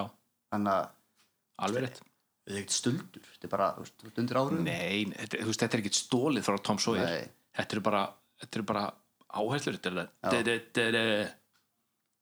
það eru fullt af lögum sem gerir þetta já, já, en þeir voru bara búin að hlusta mikið á Rush og Burton hérna sérstaklega mikið, þó hann sé hendur ekki krediteraði fyrir þessu, en ég getur að trúið að hann hafi verið að blasta Rush við hvert einasta tækifæri já, já. þarna. Rush og Police og eitthvað hann en einhvers veginn heyrði ég að hérna um svona, ú- smá út, útudur um samtum tólust og svona Mhm. -hmm. að það það er, e, mun ekkert koma neitt nýtt fram í tónlist það er búið að eiginlega gera allt já, já, það er núst en samt finnst mann alltaf að heyra eitthvað nýtt en maður veit aldrei nýtt nei, akkurat svo getur vel verið að bara á morgun já, komi eitthvað, komi eitthvað út sem að gjörbreytir öllu og við Já. bara, já, þetta sé bara alveg heilrænt, en ég, ég held að þetta sé rétt sko, það er búið að gera það er búið að gera flest, öll svona konsept eru komin já, fram en svo hvað þú gerir við þessi konsept og hvernig þú kannski túlkar þau já það er svona og hver og einn náttúrulega ætla að koma með mumble metal mömbul svo, svo mömbul hiphopið já, ég veit það ekki, Vilj, viljum við það þá er þetta ógislega fyndið það væri ekkit sérstaklega aggressíft nei svona mömbul hiphop eða svona mér er alveg skýtsam og hvað Já, það þurfti að þið vera svolítið í, í doom metal feelingnum Bam, já, bam, bam. ég ég ætla bara að geta ekki annað en flissa Nei, við tilögum svona Já En það var bara heima, heima ykkur geðaður græli held ég já, já er, við skulum halda áfram Já, förum við í hernaðinn það er lag nummer 5 það heitir Disposable Heroes Hetfield Hetfield, Hetfield Ulrik og Hammett sem ég þetta lag þetta fýllin Hetfieldin Arnar Egger Tórótsen einn þekktasti tónlistakakrendi bara Íslands sögunar Já, hann kallar þetta lag hið fullkomna metallag já, ég er bara ég er bara ansið sammálunum sko. þegar ég sá þessa grein hjá honum hún er, ég veit ekki hvað hann er gömur 10 ára eða eitthvað, Já. kannski 15 þá fór ég svona að hlusta á það lag meira og ég verði eiginlega bara að vera sammálunum þetta er ekki upp á slagið mitt en það er svo það er bara, það er, þetta lag hefur einhvern veginn allt sem að, svona, sem að metallög eiga að hafa ja, ekki eiga að hafa en já, þetta bara þetta, svona, það er allir metallinn inn í þessu já lagi Þú nefndir á hana Master of Puppets var þitt svona kick-up lag að gett svona, svona þitt svona Já, komur í gýrin já, e- já, eitt af þeim en já, heiklust þetta lag hennar Þetta er svona, þetta er möst eða svona skildu lag fyrir, fyrir alla líkafsætt svona að mínu neyti já, Ég verður hlust á metalir að æfa já, og það er bara Disposable Heroes þetta er bara hvernig, svona, þe- hvernig hann fer í, í hraðataktin sko bara, þú veist, þú veist að gera æfingu svo bara bætir, bætir í hraðan Já. og ge- þá gefur þú líka í og svo gráða já, akkurat og sem er skemmt að segja annað með lagi þetta er fyrsta lag af plötunum sem að spila tónleikum það var okkar 14. september 85 Svo snemma já, Vá það var í borg, eða bænum samt í Góshásum í Þýskalandi Já, vol já, Gekja eða bænum eða á þeim stað ég, og þetta er hvað, vestan við Frankfurt, norðvestan við Frankfurt Ok þannig að svona, þetta er ekki í San Francisco eða, eða í Old Nei. Walford Sá salat Svo það er líka Wolford Waldorf Skiptir ekki Við vissum öll hvað hann veit uh, St. Dorshausen og hérna þetta er svona Þetta er sko ég, en, ve- Mér mér langar að bara tala um gítasóloa fyrst Þegar að Já, gerist í miður gítasóloa Þú veist ekki það, þetta sóloa er geðsjútt Ógeðslega flá sólo Svo allt í hennum skiptir það um, hérna, tóntegund Þá kemur það með svona sem bara það verðist koma bara eins og þrjum ár höfðskjur lofti en þetta er svo þetta, þetta, þetta er svo flott þetta, þetta passa svo vel og þið fullkomna metarlag já, veistu, bara ég held að Arnar ekkert hafa bara hitt naglan beint á höfðu já, já, þannig erum við að þannig er inntakið í laginu, þetta er stríð þetta er, þú veist Sko, ungi já. maður, þú ert á leiðinni í stríð þú er ekkert um það að segja, gerðu bara eins og þér er sagt þetta er svona þetta er aðeins dýpar það þetta er svona sko, jú, jú, þú ert að leiðin stríð þetta er nokkra Já. týpur af fólki sem verið stríð já, þú veist, áður að þeir sem sækjast eftir aðarlinni og svona, ok, við erum hann í átökum Mhm. Já. þú veist, ég- þú veist, ég er bara fíl þetta, ég er bara spenntir að það fara já, svo eru þeir eins og var bara mikið á þessum árum, það var hvaðning menn svo eru hvattir í átök akkurat vildu ekkit með að vera annað nei, og annað, það er einhver að drátt niður þeim -hmm. Mhm. það er, þú ert sendur ánga akkurat sem, já, og hérna og, og, og þú ert að læra og þeir svona læra eins og textin, þeir læra að samþykja já, sætta sig við ok, við erum hana þú veist, þú hérna þú veist, þú, þú með tímanum, þú veist, ok maður komin inga út ok, þetta er bara, þú veist, ég er búin að læra að meðtaka þetta mm -hmm. ég Mhm. þetta er bara það sem maður gerir já, sama hvað mér finnst já, því oftar sem fari, að fara í átökin, þú veist, þá bara ok já, og hérna, og ég, ég myndi eiga þetta er bara, já. hann að Circle of Life í hernum já, já, já, en þetta er þessu svona stríði allavega þannig, og þannig að þið- þú hefur ekkert val skilur. Já. það hefur ekkert val já, en þetta er samt, þetta er samt sko, back to the front, þetta er svona einhver sem að fær fær smá panik og, Já. og kannski hleypur í feilur Nei, back to the front já, eða bara, ok, þið eru búin að vera, vera á vígvöldunum Já. yfir í, í, í nokkur tíma bara tilbaka, eins og oft í Vína já, bara tilbaka, Já, Mhm. svo erðu, við erum aftur vígvöldunum back to the front eða þú getur hort þetta sem svo, frá sovjöskum tjónumöðum í setnastriðinu að þú bara herðu áfram með þig -hmm. þú bara ferð áfram, snýr Mhm. Já, já. ekkert við það er svona, hernar er svo hann er svo margvíslegur sko þú horfður einhvern veginn söguna og skilur þannig að þú veist, það, það tengja þetta laga við svo nútíma hernað já, og fortíðinni og eða bara þú veist, með, með hérna stein, steinaldirnar eða það var kannski enginn að drotna eins mikið við þér nei, ég bara sá sem að þetta mest korn já mest kviti en, en, líka, en sko, ef maður svona les yfir textan þá, þá er þetta svona maður sem er rónum bara þetta er greinilega einhver sem er hátsettur eða allavega búin að vera lengi í hernum þú veist barking off machine gun fire does nothing to me now þegar hann heyrir einhver, einhver skjóta einhverju vopni þú veist, það, það breytir einhver sko hann getur verið að byggja einhverja spilabók og hann myndi ekki, hann myndi ekki tröfla hann að heyri allt í einu einhvern AR-15 riffil við utan það er- verður samt alveg ósumlega þar sko hann segir það þarna, já, en ég sé ekki mann sem voru lengi í hernum Þa, ekki, það er nóg fyrir þið að upplifa einn átök þá ertum Ok. við okay. búin að venjast þessu ok það er bara, þú veist, þú veist, þú veist spennan að fara á vývöld ég er búin að magnaði upp á hræðslunni já, svo leið og átökju byrja þá ertu á fyrir hræðslunni burt þá Ok. okay. þú veist, þetta er stra- þá er þetta vingjulegt og, og viltu kannski sækjast aftur í þetta meira áhugavert Já, þetta er, það er svona mínu uppliðin að textanum sko Cool Ég var ekki búinn að pæla í þessu þannig Nei, Ég bara, ég, eins- aftur er ég að taka þessu svolítið svona bókstaflega já, en já, svo veitum við ekki hvað hvað var Hetfield að hugsa akkurat á þessum momenti veit það ekki Ég held að meira Tjekka hann því. að hann átt frænda sem var í nam og sagði hann mikið að sögum já nami nam sorry glada Þú veist, svo lí- líka bara viðlæðið já, skilur þá ertu, þá ertu, finnst mér svo það er drottnarinn mm Mhm. -hmm. það er hérna bara svo ríkjustan eða svo, þá- sú sem ert að þjóna er, er að hérna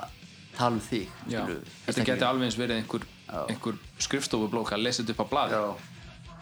Þú veist, af því að þú veist þetta er það svona, þið, þið sjáu ekki einstaklingin í nei, þessi var bara tölur já, Já. og þetta er bara þú veist, bara eitthvað dáti skilur við, til dáti já, bara úr, þú veist, er bara svo Mhm. eitt- gerður leir já, þetta er bara eitt peð þú veist, einhvað svona þetta er svona, þú veist, jú, me- me- kannski geta ljóðrænt já, já, en þetta er lýs, þessa, skemmt þetta er lýsa mikið í þetta sko. en ég lasi í þetta svona eins og þú voru svona þessi kvaðningar hlutak að því að þemaða plötun er búin að vera svo mikið sko þemaða plötun er búin að vera svo mikið í nefnilega sko ég sko nefna annað hvert lag það er eitthvað drátt niður já, þetta er þetta er, það er orð sem hún segja flest oftast er drátt já, þetta er lord Já. það er bara eins og þú veist, þú segir, það er, það er coverið þú veist, með hérna Disposable Heroes þú veist, flestir hér kirkigarðar eru hvíta krossar já, saman og svo er er ykkur að hérna strengja brúður akkurat, þetta er svona einhverjir á tói í strengina já, þetta er ekki bara lagið Master of Puppets þetta er bara Master of Puppets þetta er bara þú veist, Já, þá, þá getur þú öll- farið öll aftur í albúmin, sko. veist, sanitarium og sagt þetta sé bara Já. gæðin sem er þó að, þó að lægið akkurat, þetta er bara þó að lægið sé, þú veist, fær innblástur innblástur, innblástur, afsakið frá hérna One Flow Hmm. of the Cuckoo's Nest þá má alveg skilja textan eins og þú komin, komin úr stríðinu og bara þú er bara búin að fokka upp á þér hausnum alveg Já, gæsala og þetta er bara umhverfið sem að þú bara verður að vera í og þú hefur ekkert val, þú fungerir ekkert í venlega samfélagi ef það er enda dýbra go for it Fer, þú ferði fórst í stríðið mm -hmm. kemur heim welcome home hei, nei, býttu þér hólaðu já, sorry, sorry fórst í djúpaða nýslu mm. vaknaði manna bara s- halaði lausunaður og setti heyrun sæðina þér já, já, og svo varstu- fyrstu komin heim komin að geða krælið já, já, svo varstu frelsaður og varstu orðin sjóðsprestur og þau eru næsta lag I like it lag nummer 6 já. Leppur Messiah Leper Messiah Jésús Kristur þetta er þetta er lag sem að ég verði eiginlega að segja að það ríkir ákveðin lengd og ákveðin lígi yfir þessu lagi nú, já, Dave Mustaine segist hafa samið hérna riffið sem er í versinu já, og miða við hvernig það hljómar og miða við öll hinn riffin sem eru staðfest mjög steinriff verð ég eiginlega að segja, ég trúi honum já það, þetta er svo rosalega svo rosalega mikið hans stíll að ég eiginlega hvernig, hvernig þá, minnst þess að vera svo hvað, hva, hva er þetta er já, ekki samt ekki aðrið félaginu Dun, dun, dun. þetta er, þetta er hérna riffið sem að er eh, alltaf á undan hérna erindurum já, mér finnst þetta bara rosalega já, það er bara svona stein bragur á þessu lagi finnst mér já ég hef ekki pælt í öðrum ég hugsa sko því að að hann hefur sagt þetta sjálfur sko Já. að, að, hann á eitt, riff, eitt eða tvö riff úr Leopard Messiah já, og hvort þetta er séð þá uh, bara svona part einhver einhver svona, einhver svona pínu lítil pæling sem að til á einhverju kassetu af einhverju æfingu frá 1982 já, getur vel verið það getur vel verið en En hann er samt ekki kryddið þar fyrir Nei. það er James og Lars já, bara þeir tveir og, og titillin þú veist meir um hann Leppur Messiah já. Holsveiki eh, Björg uh, Spámaðurinn. spámaðurinn, já, maður segja, já Þetta er svona Nú, seinasta lagið á plötunni sem er fjallar um ykkur Nei, samt ekki Þetta er svona, það er drotnari já, Það er drotn Og það er svona Það tala um þeir fengið hugmyndina út frá sjóasprestunum já, Svona sem minna með, við höfum hérna í Íslandi höfum við Omega já, með Benny Hinn já, en sem ég rugglaði alltaf, rugglaði alltaf saman með Benny Hill ég er líka, hey, Benny Hill, er hann eitthvað trúðar? en sko, það sem hérna eða bara svona þessir við þekkjum ekki alveg svona kannski þessa, þessa trúalegu menningu sem er í ekki, Norða-Ameríku ekki þess að sjóaspresta Nei, það þessi er koncept sem er bara hlægilegt fyrir Íslandingum hérna erum við með, með þessa blessu þjóðkirkju já, já, og hérna, þú veist, jú, jú kannski krossin var kannski Já. sér bara dæmi en það sem hérna fólk er að borga fyrir frelsunum sína já, svolítið mikið sko, það er að henda peningum í og, og er ekkert að fá þú veist, er ekkert að fá neitt nei sko, þú veist, það er kannski op, opnum línan, þetta vitni í það að spænlega sem að start já, þetta sé svona þessir, þessir, þessir spámenn séu spænleis -hmm. eða þú kemur brotinn spænleis Já. til ykkur ert að leita eftir ykkur kraftaverki eða ert að leitast eftir ykkur já öðu sko Já, það er þessi lína, sko, hérna Spineless from the start, sucked into the part Circus comes to town, you play the lead clown Þetta er svona Já, þú er svona bara, hei, hey, horfið hingað Látið þið sér hann fá pening og þá þá komist þið inn í hinveríki og ég fæ að ég fæ að kaupa nýtt og stærra og betra hús já fæ ég að, misnota, fæ ég að sjúa tippa hennar klósettum Jæja það er ekki eitthvað Jú, jú eitthvað En þetta er, þetta er ekki hérna uh, þetta er ekki eina lagi sem að takla þetta og þau eru vissulega mörg en það er uh, annar lag sem er í miklu uppáldi hjá mér með annar hljómsett sem að takla nákvæmlega sama viðhófsefni og það er lagið Jesus He Knows Me með Genesis já, það er uh, það er rosalega gott lag og hérna uh, þar sem sagt fara þeir í sko hérna I believe in the family with my ever loving wife beside me but she don't know about my girlfriend or the man I met last night Þa, það er þetta þú veist, það er bæði sko framhjáhöld og, og samkynnið sem að sem að mátti alls ekki í katholsku kirkjunni já, þetta er einmitt sem er svona að pæla í- með branda með sjúa tippa klósettum Já, akkurat. alla með sjóðspesta, þeir eru svo frelsaðir þeir eru svo Já. góðir þeir eru alltaf böstaður við eitthvað svona fyrirbæri á klóstaflugulli eða eitthvað Já, það er nánast óskrifu regla þeim mun sko Já. meiri homma hattur já, sem að kemur út úr þeim þeim mun líklega er það að þeir, þeir séu gómaðir við ja, gómaðir, það er bara að komi, komist upp um að þeir séu sjálfur samkynniðir menn það er einn ein frægur tónlistamöður sem hérna æ, læði hana If you don't know me Já, já, já, já hérna, hey, einn af þeirri grúpi, hann er svona var, var svona prestur já Jesus, svona fyrir og hérna, ég man ekki alveg hvað hann þetta er, þetta er, þetta er rosalega svona epist ég mann ekki alveg, ég ætla, ég ætla að fletsa upp þetta er eitthvað svona, þú veist Hank, Hank Williams and his amazing four friends þetta er eitthvað svona þannig sko Já, það var henn já. Ég með, ég með sá Ég- þetta í mynd með einhverjum hann Bill Maher hann tók, tók svona sjóvarspresta við um, um svona og og fannst magnað að sp- það er náttúrulega, já, Simply Red coveruð þetta en þetta er ekki upprunlega með þeim Nei, þetta er, já, Harold Melvin and the Blue Notes já, það var ein, einn af ekki þessum Blue Hank Notes. Williams eins og ég sagði ég, ég, ég myndi þetta ekki alveg en, en þetta var og hann var í, einmitt í leð, nei, í svona eðlu skinn skóm, lizard skinn já, Presturinn. skýtnáðan penningum, fljú engahóttum já, að þetta eru menn sem eru að misnota völd sín yfir veikburða fólki þeir eru að nota þetta er svona líða verstu so- sort já, þetta er bara svona til þess að kaupi sér eðlu skó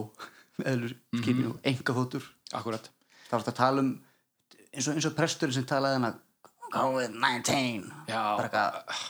Alveg bölvaði, rétt. farið burtu -hmm. hann, hann sagðist vera að sjó, hérna, sjúa það til sín afsaki, Já. ég sló hann í mikrofónin hann sagðist vera að sjúa það í gegnum sjónvarpið og ná tökum á því til þess að Þe- þe- því líka tjöfus Þe- þetta, þetta er maðurinn sem texti fjallarum sko. já, alveg 100% sko. bara undur þetta er, ég held Og- að þetta sé mér þess að sami gæi sem að hann var spurður að þetta, akkur er þú þú veist, þú ert að ferðast um í enga þóttu og fólk sem að ávalla bót fyrir borun á sér er, er að skaffa þennan pening og hann segir, já, en mér tekst að breyða út bóðskap Guðs betur svona já, já, þú getur ekki nota interneti eins og allir aðrir sem að, það sem að allir geta Þetta séð er, á hann er skotstundu leppur með sæja já, þetta er þetta er Hann ekki það er- sem að svona, hann er að drottnum fólki var öðru sér hátt hann er, að, þú veist, hann er ekki með það í frelsisiftingu nei trigger, trigger hann er- hann er meira í svona þessi andlegri svona hann, næ- þú veist, hann næra að hald, halda í skellum hann, þegar, þau þurfa, þú veist, hann- hann er svo þeirra fíknefni já, þau þurfa eitthvað frá honum hann getur gefið því já, og Það hann, heldur hann sér- segir þeim þið þurfið eitthvað Já. fram með", hann, hann er að hamra því en þið þurfið eitthvað fram með, þið þurfið eitthvað fram með Já. þau fara að trúa því já. og þeir verða að gefa okkur peninga já, já, akkurat, þannig Jésús Jésús segir mér akkurat og ég segir mér sko að ég verða að gefa hann peninga Jæja, happy En svona um, enda lagið á Lie, lie, lie og oft og svo bara já, þetta er Sko, bara hamrað inn Þetta er ekki það sem Jésu segði vilja fyrsta sem ég hugla- hug- hugsaði hér þetta lag það var die, die ég var bara, ah, hvað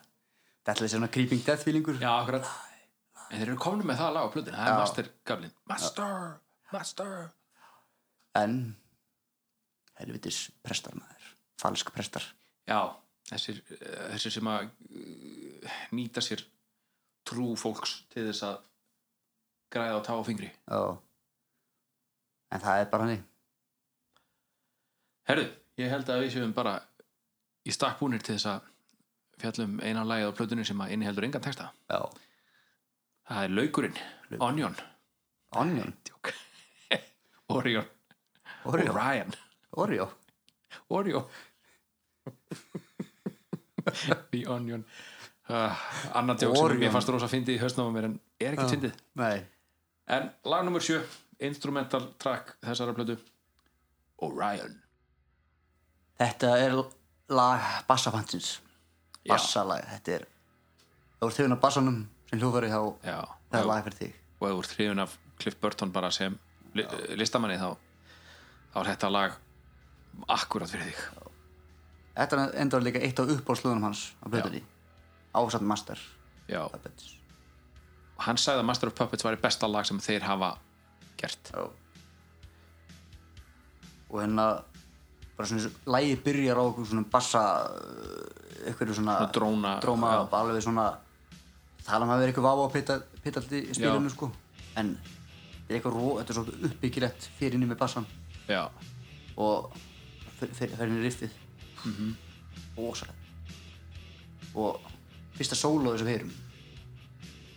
já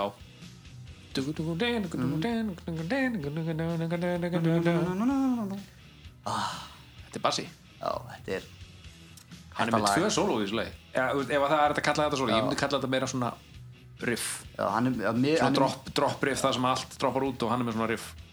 nánast þrjú Ef þú Já, tekur já. einn- einn rólega Já, medley rólega eða kaflinn, já, já, svona- það er alveg rétt En þetta er samkvæmt Wikipedia sem er ekki sem er svo sem ekkert heilagt en, en mjög uh, áreiðanlegt þá er þetta þá koma sko höfundar lagsins í, í þessari röð Burton, Hetfield, Ulrik Já. Burton eru undan Hetfield og Ulrik já, Þetta hefur ekki gerst hvorki fyrir nýja síðar þetta er líka svolítið þú veist, það, hann átti líka stóran þátt í þessu lagi Mhm. -hmm. þetta er þú veist, þetta lag kalla bara eins og á börnum Já, bókstaflega Mhm. -hmm. þetta er svo, eins og sólóin, eins og þú nefndir þetta er svolítið svona baklegt svona, já, svona, svona klassik svona klassikur tónn í þessu já sérstaklega miðurkaflinn það, Já. það sem þið fara í svona eins og þegar við vorum að hlusta á þetta hérna, við, sagt, fyrir þau ykkar sem ekki vita þá sem sagt, ítum við á pásu þegar við kynnum lagið og svo hlustum við á lagið til þess að hafa það svona sem ferskast í, í, í hugunum þegar við tölum um það en já, þegar við vorum að hlusta á það, það svona, það, maður eiginlega fær svona, svona ballroom, svona samkvæmistansa vals tilfinningu sem er fáránlegt að segja að með, að þegar maður er að tala um metalhjómsveit en slík áhrif hafði Bach á, á Cliff Burton og Cliff Burton á Metallica að, já, já. Eins, og, eins og Lars sagði ykkur í viðtali hennar, þegar Cliff sínt honum y- ykkur konsept eða ykkur hugmyndur úr þessu lagi Já. Lars talaði með að það minnum að bara sænst, hljó, sænst þjóðlega Dú, dú, dú, dú, dú, dú, hurdy, gurdy, make you smell. og hérna og st- hann hennar Flemming Rasmussen Flemming Rasmussen Já. einn af þremur Flemming sem kom að þessari blödu hann talaði um hvað upptökur á þessu lagi gekk gengur ríkala vel Þetta hefur örugglega verið bara full mótað í Já. hausnum á kliff það verður, veist það, því að svo var alltaf meira og meira veist, kliff var alltaf komið alltaf meira og meira Já. Í- veist, það var alltaf sett meira og meira í lagið og hérna, hann fekk bara svolítið að hérna, se- veist, bara eiginlega hann fekk smá svona hvernig var þetta, hann fekk bara bara Já. fullar hendur og veist, svona fjálst leika sem við þetta Já, lag frjálsræði. já, já. Ó, full, full, fullt frelsi, engi frelsifting kannlega Nei, engin pressisvisting á Dálstam þar Nei, en þe þetta lag er svona frelsið á plötunni hann er smá frelsi Já, það er engin að það er engin prísund þarna nei, hann fær bassin að sleppa tömunum út Þetta geti verið loknið undan stormurum já, Já. það var þannig ef, að- ef, að Og- þetta, ef þessari plötu er þið endurraðað í einhvern svona opus geti þetta verið já, svona ignorances bliss dæmi, Já. kannski eins og tala um, já, það, það er þrý, svona þrý stóri bassapartar í þessu lagi, Já. Mhm. það er þessi fyrsti sem við erum búin að nefna svo förum við í einn rólega partinn og það er svolítið skemmt að tala um nótun þessu, það er reynast svolítið var ekki, hvað var ekki Þetta? hægt, þetta fíld, já, já hann er með þetta á framhandleilum já sem sagt tattoo er að eh, það er búið að skrifa þetta út í, í nótnaskrift, hann er með það tattoo er að á vinstri framhandlegin sem sagt Já. innan á vinstri framhandlegin á sér og þar fyrir neðan er hann sem sagt með e, svona eh, mynd þar sem að tattoo þar sem að sem sagt, e, The Angel of Music kallar hann það sem sagt, já, engill uh, tónlistarennar tónlistarengillin, hvað sem við vilja kalla það hann er að uh, senda gjöfina niður Já. tónlistina og þú sér tvær hendur taka við því og það eru eiga að vera hendurnar á Hetfield já, og sér satt, já, fyrir ofan þessa mynd af, af englinum að gefa honum þessa gjöf er nótnaskriftin svona eins og svona svona bylgjað svona, eh, svona revill, langur Já, já. revill og það er, það er þessi nótnaskrift af, af þessu þessu litla stefi úr eh, litla, þessu kannski eh, ekki lítið, einfalt, þessu einfalda stefi úr Orion en sýnir bara hversu mikil áhrif kliff hafði á það og Já. það hættvild og og ko- hvað hann kendið mér það mikið tónlislega sé svo Mhm. við nefndum með rétta leiting já, þegar hann, þegar hann kemur meir inn í lagasmiðina já, en þú sér það, hvað, 6 af 8 var hann með þar já, þrjúlu þrjú af átta hérna en alveg risa, risa, risa, risa áhrif Já. í þessu lagi sem við erum að tala um núna og veist, svo líka þann fyrr við tölum henni sem hann bakk Já. áhrifapart í hennar eftir ólapartin það það er gítar, þegar gítar kemur inn Mhm. -hmm. þetta er svona, eins og segja, svona léttu dans já, og þegar, að- þegar hann, þetta er, er að færast þessu ofar mm -hmm. þegar bassin tekur við já. þegar hann fær solo það, það, er sko, það er, Það er svo hann það sé- er rattað bassa solo já, hann er, hann er af, hann, gítarinn afhendir bassunum að taka við já. hérna Kirk sagði um þetta solo þetta átti upprunlega að vera gítasolo já, alla leiðina, sko. ekki bara byrjunin nei, eins og það, er, eins og það sérst endaði eins og við þekkjum það það átti að vera gítasolo alla leiðina en Cliff Stalli þegar hérna Kirk sem sagt uh, hann skrappi eitthvað frá já, úr, úr, úr stúdíónu í einhverja daga og Cliff bara fór og stal setni helminum á sólónu og sem betur fyrr þetta er Já. svo ótrúlega Svo- bá og Kirk sagði ég var ekkert sár það, var, það er einhver fjögur, fimm gítasóló á þessu- í þessu trakja, hann mátt alveg fá eitt Já, eða já. hálft það er, þetta er svona þrý stóri bassapartar í svo leið já, sem er svona ábyrrandi skilur, eða veist, fólk veist, óvanur svona fólk sem þekki ekki alveg hvernig hljófæri virka og svona, myndi ekki halda að bassinu veri fyrsta stefinu nei dugu, dugu, dugu, dugu, dugu, dugu. nei, eða, örugglega ekki eða heldur hérna í hérna hérna tekur við já, þegar tekum við sólónu í lókinu á fyrst ég heyri þetta þetta aldrei við vera bassi veist, maður- Nei. þekkti maður ekki alveg að tóna og veist, þetta er bara maður skýtar og veist, þetta, var- þetta lag var rosalega upp það var stoltur þessu lag hann kliff Já. rosalega miklu upp en það var, það var líka að spila í jarðaförunars þetta lag já, það. Já. ok, ég vissi það ekki og hérna sem hérna sem hún fór þann hvað, 7. oktober 86 já, tveimur vikum eftir að deserska já teppu og hérna og það, hafði ald, það lag hafði aldrei spilað fullir lengt á tólningum fyrir en 2006 Já. eftir Það var eitthvað 30 ára nei, 20 já, 86, já, 2006 tu- já, fyrir ekki, 20 ára ammali í blöðunar Þá þá var voru Rob- þeir konum með bassareikara sem að riði við þetta en eh, að, að Jason Newsted alveg ólustuðum Já. frábær ég allast það Jason Já. Newsted en svona lag kallar á meiri típu eins og True Hero já og hérna þú veist,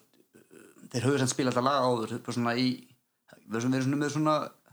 úpörtum já, eins og þeir spilu oft hérna spiluðu Kalokutulu þetta lag og Mhm. mm -hmm. Tulifis Letta í svona ykkur melli þú saman lifst þetta, já, svona, tóku svona instrumental já, lögin saman já. en fyrst getur þú spila og hafa gett nú hvað hundra sinnum eftir að Trú Híla tóka já, eftir, nei, eftir að Trú Híla þeir tóku þetta 2006 hafa þeir spilað þetta mjög oft á þólingum já það er líka stórkvæmst að sjá sko True Hero, hann er valum í svona, í svona krabba stöðunni, eða þú veist, krabba stöðu hann er svona, svona langt niðri með nýjan alveg byggð í þú veist, í 135 gráður sko og hérna, og er svona svona, hvað segja svona vafrandum sviðir svona bara per performer já, algjör performer og hann er að negla öll lögin í þessu lagi, allavega frá 2006 klippan sem ég sá, þar sko þar fer hann upp að einu svona, það er svona rampur, Já. hann setur löppinu upp og er að vanda sig, alveg rosalega já, já. þetta, var- þetta var lag þar sem að ein feilnota var bara ekki leifileg Nei, nei. hann ætlaði að negla þetta og já, það var ekkit það var ekkit annað sem kom til greina sko því ég og mér varst það skemmtilegt að sjá það talandi um að lagi dattunum minnband eftir frá suðu kóru sama ári ég tók þetta lag líka þar já, ok, það var svo heitt þannig sá ég ok, og þeir spiluðu það sá að lagið var ekki spila 100% sko það var, þau voru svo sveittir maður sá bara svitan og strenginum og körk þau var allir byrðu á hann og bara já. öll rópaði svitin já, og hérna, svo ef þú horfur á það svo horfur á Þískalandi sem tók þetta fyrst já það er smá munur á, á performunu það er, ég trúði því shit en sko, þetta er ah, sko, mér fannst þetta Call of Cthulhu bara, ó, geðvöld en þegar maður fyrir að, ég fór að hlusta þetta lag aftur og aftur að pæla mér í þú veist, þóttum þessi ábyrjandi þrjá bassaparta já, en líka bara sjálf bassariffið í laginu hvað það, þú veist, já, það er svo aggressíft svona. já, hann er bara að spila hann fylgir, fylgir svolítið gítari finnur svona beintugudum, deintugudum, beintugudum, beintugudum, deintugudum það er svo, já, svo, svo, svo, já, það, svo röff eitthvað já, og svo í þessum hérna, útpælt samt, já, í þessum rólega gítarsóloparti, Já. það gítarnir þá fær maður svona, svona gísa bötlar feeling já svona sabba já. það er svo mikið svona það sem er að en þetta er við hendur sjálfur hafa þykta sjálfur eitthvað við bassan já, þið, þið eitthvað sem ekki vitið þá spilaði Sigurður Emmitt á bassan í introunni hjá okkur já, ég er engi, engi músikanst kann spá á tvær bassa. tökur, tvær Já. tökur, nailed it en þá er þetta lag bara þetta, þetta er svona mjög velunandi fyrir mig sko. ég er alveg, já, það er eitthvað svona meira spesial já, það er bassin er ekkit oft svona í miklu kastlösi nei, þetta er svona svo svona svo gott viski, sko já, Og það er ekki, það, þetta er, það, þannig að kemur allt einhvern veginn heim og saman já, já ég veit ekki hvernig ég tindi bassaleiku í viski en ah, pocket já, já, ég, ég held mig við það já, e- eitt við þetta bæta það er Orion og Sanitarium uh, þetta byrjaði sem eitt og sama lagið já, ég heldur, jú þetta þetta átti að vera hvað heyrtum það þetta átti að eh, þetta byrjaði sem já, hlutir úr Sanitarium og hlutir úr Orion Mhm. voru upphaflega eitt og sama lagið en svo já, svo auksuðu í sundur einhvern veginn og hérna urða sig hvernig laginu, það hefði verið það er a- aftur önnur vít hvað hefði gerst ef að þetta hefði verið, já, ef þetta hefði verið já. samtvinnað en, þessi tvö lög, en hei, við, við erum komið með þetta við erum veitur að pæla mikið í því nei, nei en fyrir bara í fyrirtækjaskóna næst fyrir þetta ekki svona, og leitum að skada EOF skaði EHF sem er til, by the way já, en á frummálinu heitir þetta Damage Incorporated það er, það, er, það, er sko, það er stinnar á mér, gerur stund já, þetta lag er þetta er powerful lag þetta er ríkalega upplutt lag ekkert smá þetta sko, við erum eiginlega komnir svona komnir syngin, þetta er sami bóðsköpar og í fyrsta læginu, já, nema er svona kildur, kildur inn í hausunáminu með offorsi já. Ég lendaði um Disposable Heroes gott lag undir á æfingu mm -hmm. og þetta líka alveg geð já, Sko. þetta rýmur í gang þetta lag já þetta er hraðasta lægið þeirra fram að þessu hraðasta lagið þeirra þetta þetta er hratt og þungt Mhm. mm -hmm. svona að, þetta er eitthvað lísu og svo á texti svo vel, vel við já, nákvæmlega að því að þeir, þetta er svona nokkuð ennþá í sama hennar þema platan og öðru í ef þeirra Dorlandi já, þannig er þeir svona vikna svolítið í þeirra undir þeir label skilur undir já, hérna- cou- county culture já, County Culture já, þeir, eru- þeir eru í þeir eru orðin- orðin- þeir eru orðin eitthvað maskín þeir eru orðin- orðin eitthvað fyrir incorporate skilur já. þeir eru sko orð- orðin sko það er ef þú ert að stökkva á lestina núna það er stór hættur að það er að passa þig já, veist, þeir, þeir eru á svo, eru á svo lest Mhm. -hmm. en á sama tíma er hann að fara á mótunni skilur við já, því að þeir vilja ekki vera skilur við á þessu, fj- í þessu Nei, þeir vilja ekki vera þessu- með- þeir þessu vilja ekki vera stór- með allir stór- crew eða- nei, þessi gæðir það er svolítið svona eins og að segja, living on your knees conform, Formality, já, for, conformity Þú veist, það er lett að vera bara á hjónum já, já, já, bara að gera eins og það eða, er sagt Mhm. eða degja standandi fyrir, hreinle- fyrir að vera hreinskilin akkurat, dying on your knees from honesty tænunum fít var hann því, hvað sagði þið? nýs Dæmi Fítrumesti já, Já, komið þess að Albarsson Velkomin. En þa- þetta er þannig er Fyrst minni lag og já. Og þetta- En, en sko, förum í, förum í byrjun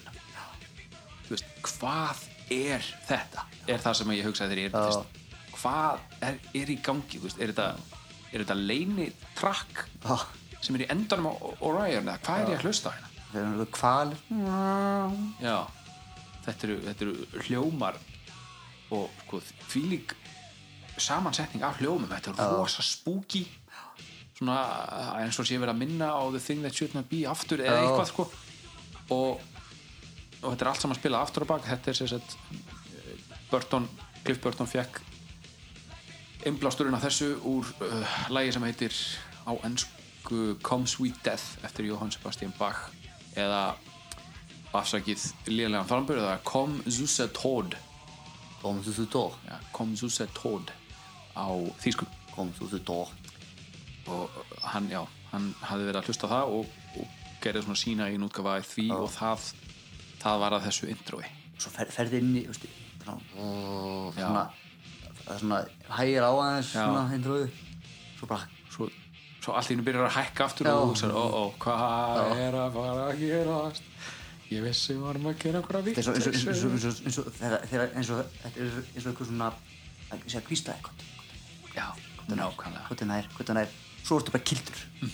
Bara, þú veist, og höggir þú bara fílar Þú bara, wow, kildur mig aftur Og heldur áfram, sko já,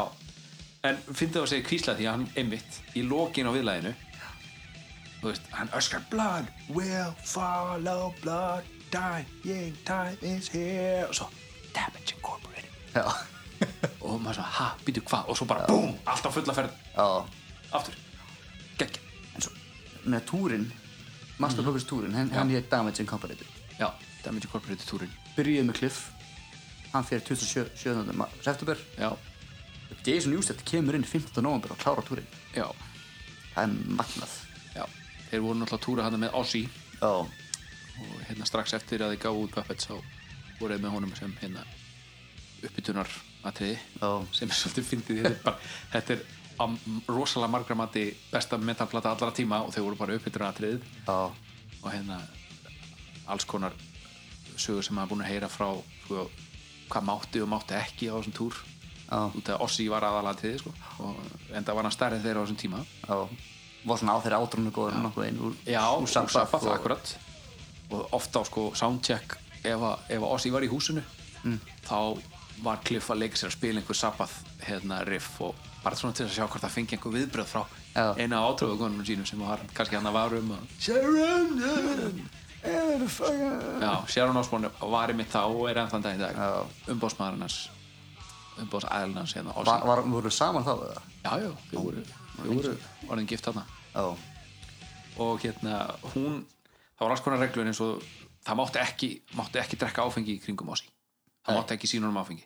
það var bara bannað á turnum, ég veit ekki hvort það var orðin þurr hana en á turnum var þetta bannað já, hvort það var bara til þess að halda honum á réttu brautinni þannig að það myndi ekki það þyrfti ekki að cancel einhverju sjói Já. sko. ég veit það ekki en einhver tíman voru stoppuð þeir á einhverju, einhverju bensinstöð ykstar og interstate og það fóru allir eitthvað inn að gera nema Cliff úr Metallica rútunni hann var bara eftir í hérna rútunni og ekkert mál svo, svo kemur Ossi inn og ha, fyrsta sem hann spyr Cliff, er til einhver bjór? og Cliff bara, uh, já og hendur í hann bjór og, og hérna svo kemur hérna kemur hérna sem sagt, tour manager sem sagt, já, tónleika ráðar æ, tour manager, þið veitir hvað tour manager þýðir ég ætla ekki að þýða þetta, geta okkur þýðir ekki en hann kemur hann inn og sér hvað er í gangi og og hérna hann fer og tala við túnmanager Ossi og segir herðu Ossi er að drekka bjóri í hinnir útinni við verðum að gera eitthvað og svo koma sem sagt eh, James, Lars og Kirk aftur inn í rútuna helvítis, sími minn eitthvað að pípa hérna Já, hérna og uh, þeir þeir sjá hvað er í gangi og hugsa nei, ok, að, þetta var gaman að meðan það endist, já, nú erum við reknir en það, það gerist víst bara alls ekki neitt já, hérna og já þeir, þeir, ég veit ekki hversu mikið þeir drukkuð þarna en, en hérna, það var bara fyndið það Já. mátti, það mátti alls ekki en um leið og oss í bað um það þá, ha, já, bjór, ekkert mál, það gjörs vel minnast það allir ekki verið bara verra fyrir það að segja nei, nei, hérna, nei þú veist, þá hann, það Ossi orðið ekki tekið já, Hann oss hef- í vissu öruglega að hann mátti ekkert biðjum það heldur ég held að Sharon hafi ekkert verið feimum við að segja honum að hann mátti þetta ekki sko Nei, nei, The Prince of Darkness og Metallica já, Já, þetta er fyndið kombo já, hann, hann sagði í viðtali oss í að hann sagði hérna, they were a tough act to follow þetta Já, hafa sko, þeir spiluðu lögin náttúrulega, sko þau voru hröð á plötunni Battery, Puppets og, og náttúrulega Damaging en þú voru ennþá hraða live, já, eins og sérst á uh, mörgum hérna, tónleika vídjum, eins og Cliff Mall til dæmis það er, Já. það er, hérna, það er nokkur vídjó af Puppets og Battery og einhverjum flerum, já, það sem þetta er alveg bara já bara á, á hraða sem að þeim, þeim geti ekki einu sinni dreymt um í dag sko. pæla úst að pæla elda damaging Ha, wow. já, ef að það er síðasta lagi sem að þeir I spila got the moon till Salem, Salem já, They sum- say Sumir voru meiri að That's how it goes Sumir voru meiri að koma á hana túr til að sjá Metallica, Já. ekki, ekki ásík sko. Já, það var, Það var- nei, veistu því. Það er einhver klippa hana í, held ég, Year and a Half Ó, þar sem ég vitnaði hvað hans í þetta og hún spyr hann hvort er það að koma að sjá hans í það Metallica og þessi að Metallica bara af hverju, það eru fokkin betri þetta er ekki flókið veistu, svo- þú veist, ólíkar tónlist svona smá ólíkar til stefnu sko. Já, en þetta er samt ekki sko, þess, Bossi er ekki ólíkur á því leiti sem að uh, eins og hinn LA böndin voru Já. þess, þetta glam glamur metal dæmi var ekki þannig ólíkt Nei. Mikið simfum Já, hann var ekkit hann var ekkit rættu við það Nei Eða samt, veistu, var það ekki samtan eitthvað sjálfur Þú lög lög veit ég ekki, en Nei. það var mikið í textasmíðum veit ég eða veit ég, gíska ég ég ætla Þannig að ekki, ég ætla Zappa ekki þá, að sverja hann var með- ekki, ekki mikið textamið þar Gísi Bölli samti nokkvæmst ok. okay. textana Zappa sko Ossi sagði alltaf að hann þóði ekki að læra hljófari hann þorðið ekki, Nei, ok hann geta fengið ykkur, ykkur, ykkur hugmynd hvernig tónur þetta hljóma hann myndi, myndi að syngja, reyna að syngja eð- eðlilega Já, en ekki eins og hann syngur núna Já. sem er bara, já, þetta er ein, ein mest iconic rödd bara í Já. allum heiminum Þú veist, þú veist, hann, hann líka röddinn hans eldist vel Já, Já, hún er lítið breyst Ég er svo sem ekki heyrt hann syngja eitthvað mjög nýlega en, en þetta, ég, er, þetta er ekkit rosalega frábrið þetta er ekki eins og James Hetfield þróunin sko. nei, nei Eftir, eini sem heyri nú nýlega, hann er kom svona, gam, svona, svona, svona þreytt á munn, svona Mhm. ga- gamla kalla munn Já, akkurat hann að hlusta á lag nýlega sem hann og Elton John gerðu saman Hvað heiti það? ég manna það ekki Nei, ok, ég er að tjekka á því saman Já. Hann er alltaf John Það er kombo sem maður hefði ekki ímyndað sér fyrir Nei, en, 15 árum nei, þetta er svona þeir eru að syngjum, þeir eru ungi strák frá Birmingham eitthvað og svona Já, þeir eru báðið þaðan já, ég, ég, ég, veit ekki hvað sem báðu það en ég veit að þeir eru þaðan alltaf, Já, sabba þeir eru þaðan, ég veit það hann að en það damið syng aftur Damaging Já, svolítið langur út út úr þetta já, En það er en alltaf, það tengið slæðinu þannig að Já. túrin var með oss í akkurat eftirun en hvað maður að segja, þú veist, þetta er bara lag sólóðum Mhm. Því líkur endir á plötunni já, Þú veist, Battery var statement já, Þetta er það líka, og ekkert síðra Þú veist, þetta er eins og þeir segja batterið byrja með þrasi og svo komið þú veist, lög eins og The Things Certain on Be, Leppi Messiah svona aðeins að þingja á, á þessu aðeins að hægja á Já. sér já, Þú veist, menn voru pyrraðar svo henda blöðun á sér Ge- gefin séns mm Mhm. svo, ok, og Orion á, hann instrumental, Já. ah, fuck þú veist, hvað er þetta já Þetta er ekki þræs Æ, svo byrja þær hópa svona, ó, yes ég, þú veist ég maður meiri, alltaf þra, meiri þrass en þeir höfðu Já. gert bara maður alltaf setja sig í spór liðsins sem var svo, var svo harði fylgjendur út af þeir voru að spila hratt já, þeir voru bara, já, við viljum hraða, við viljum hraða þú veist, við viljum ungt fólk, við viljum hraða og já, þú veist, það var, þú veist, það- þetta er svo kannski ástæðan hvað fólk var pyrrótið á sinni tíð, Já. þegar þeir fóru að gera eitthvað nýtt en fílugur endur á plötu ég held við ætlum að segja þetta gott já, af Master of Puppets og við þökkum fyrir okkur já, takk hérna fyrir og við sjáum síðar geggjað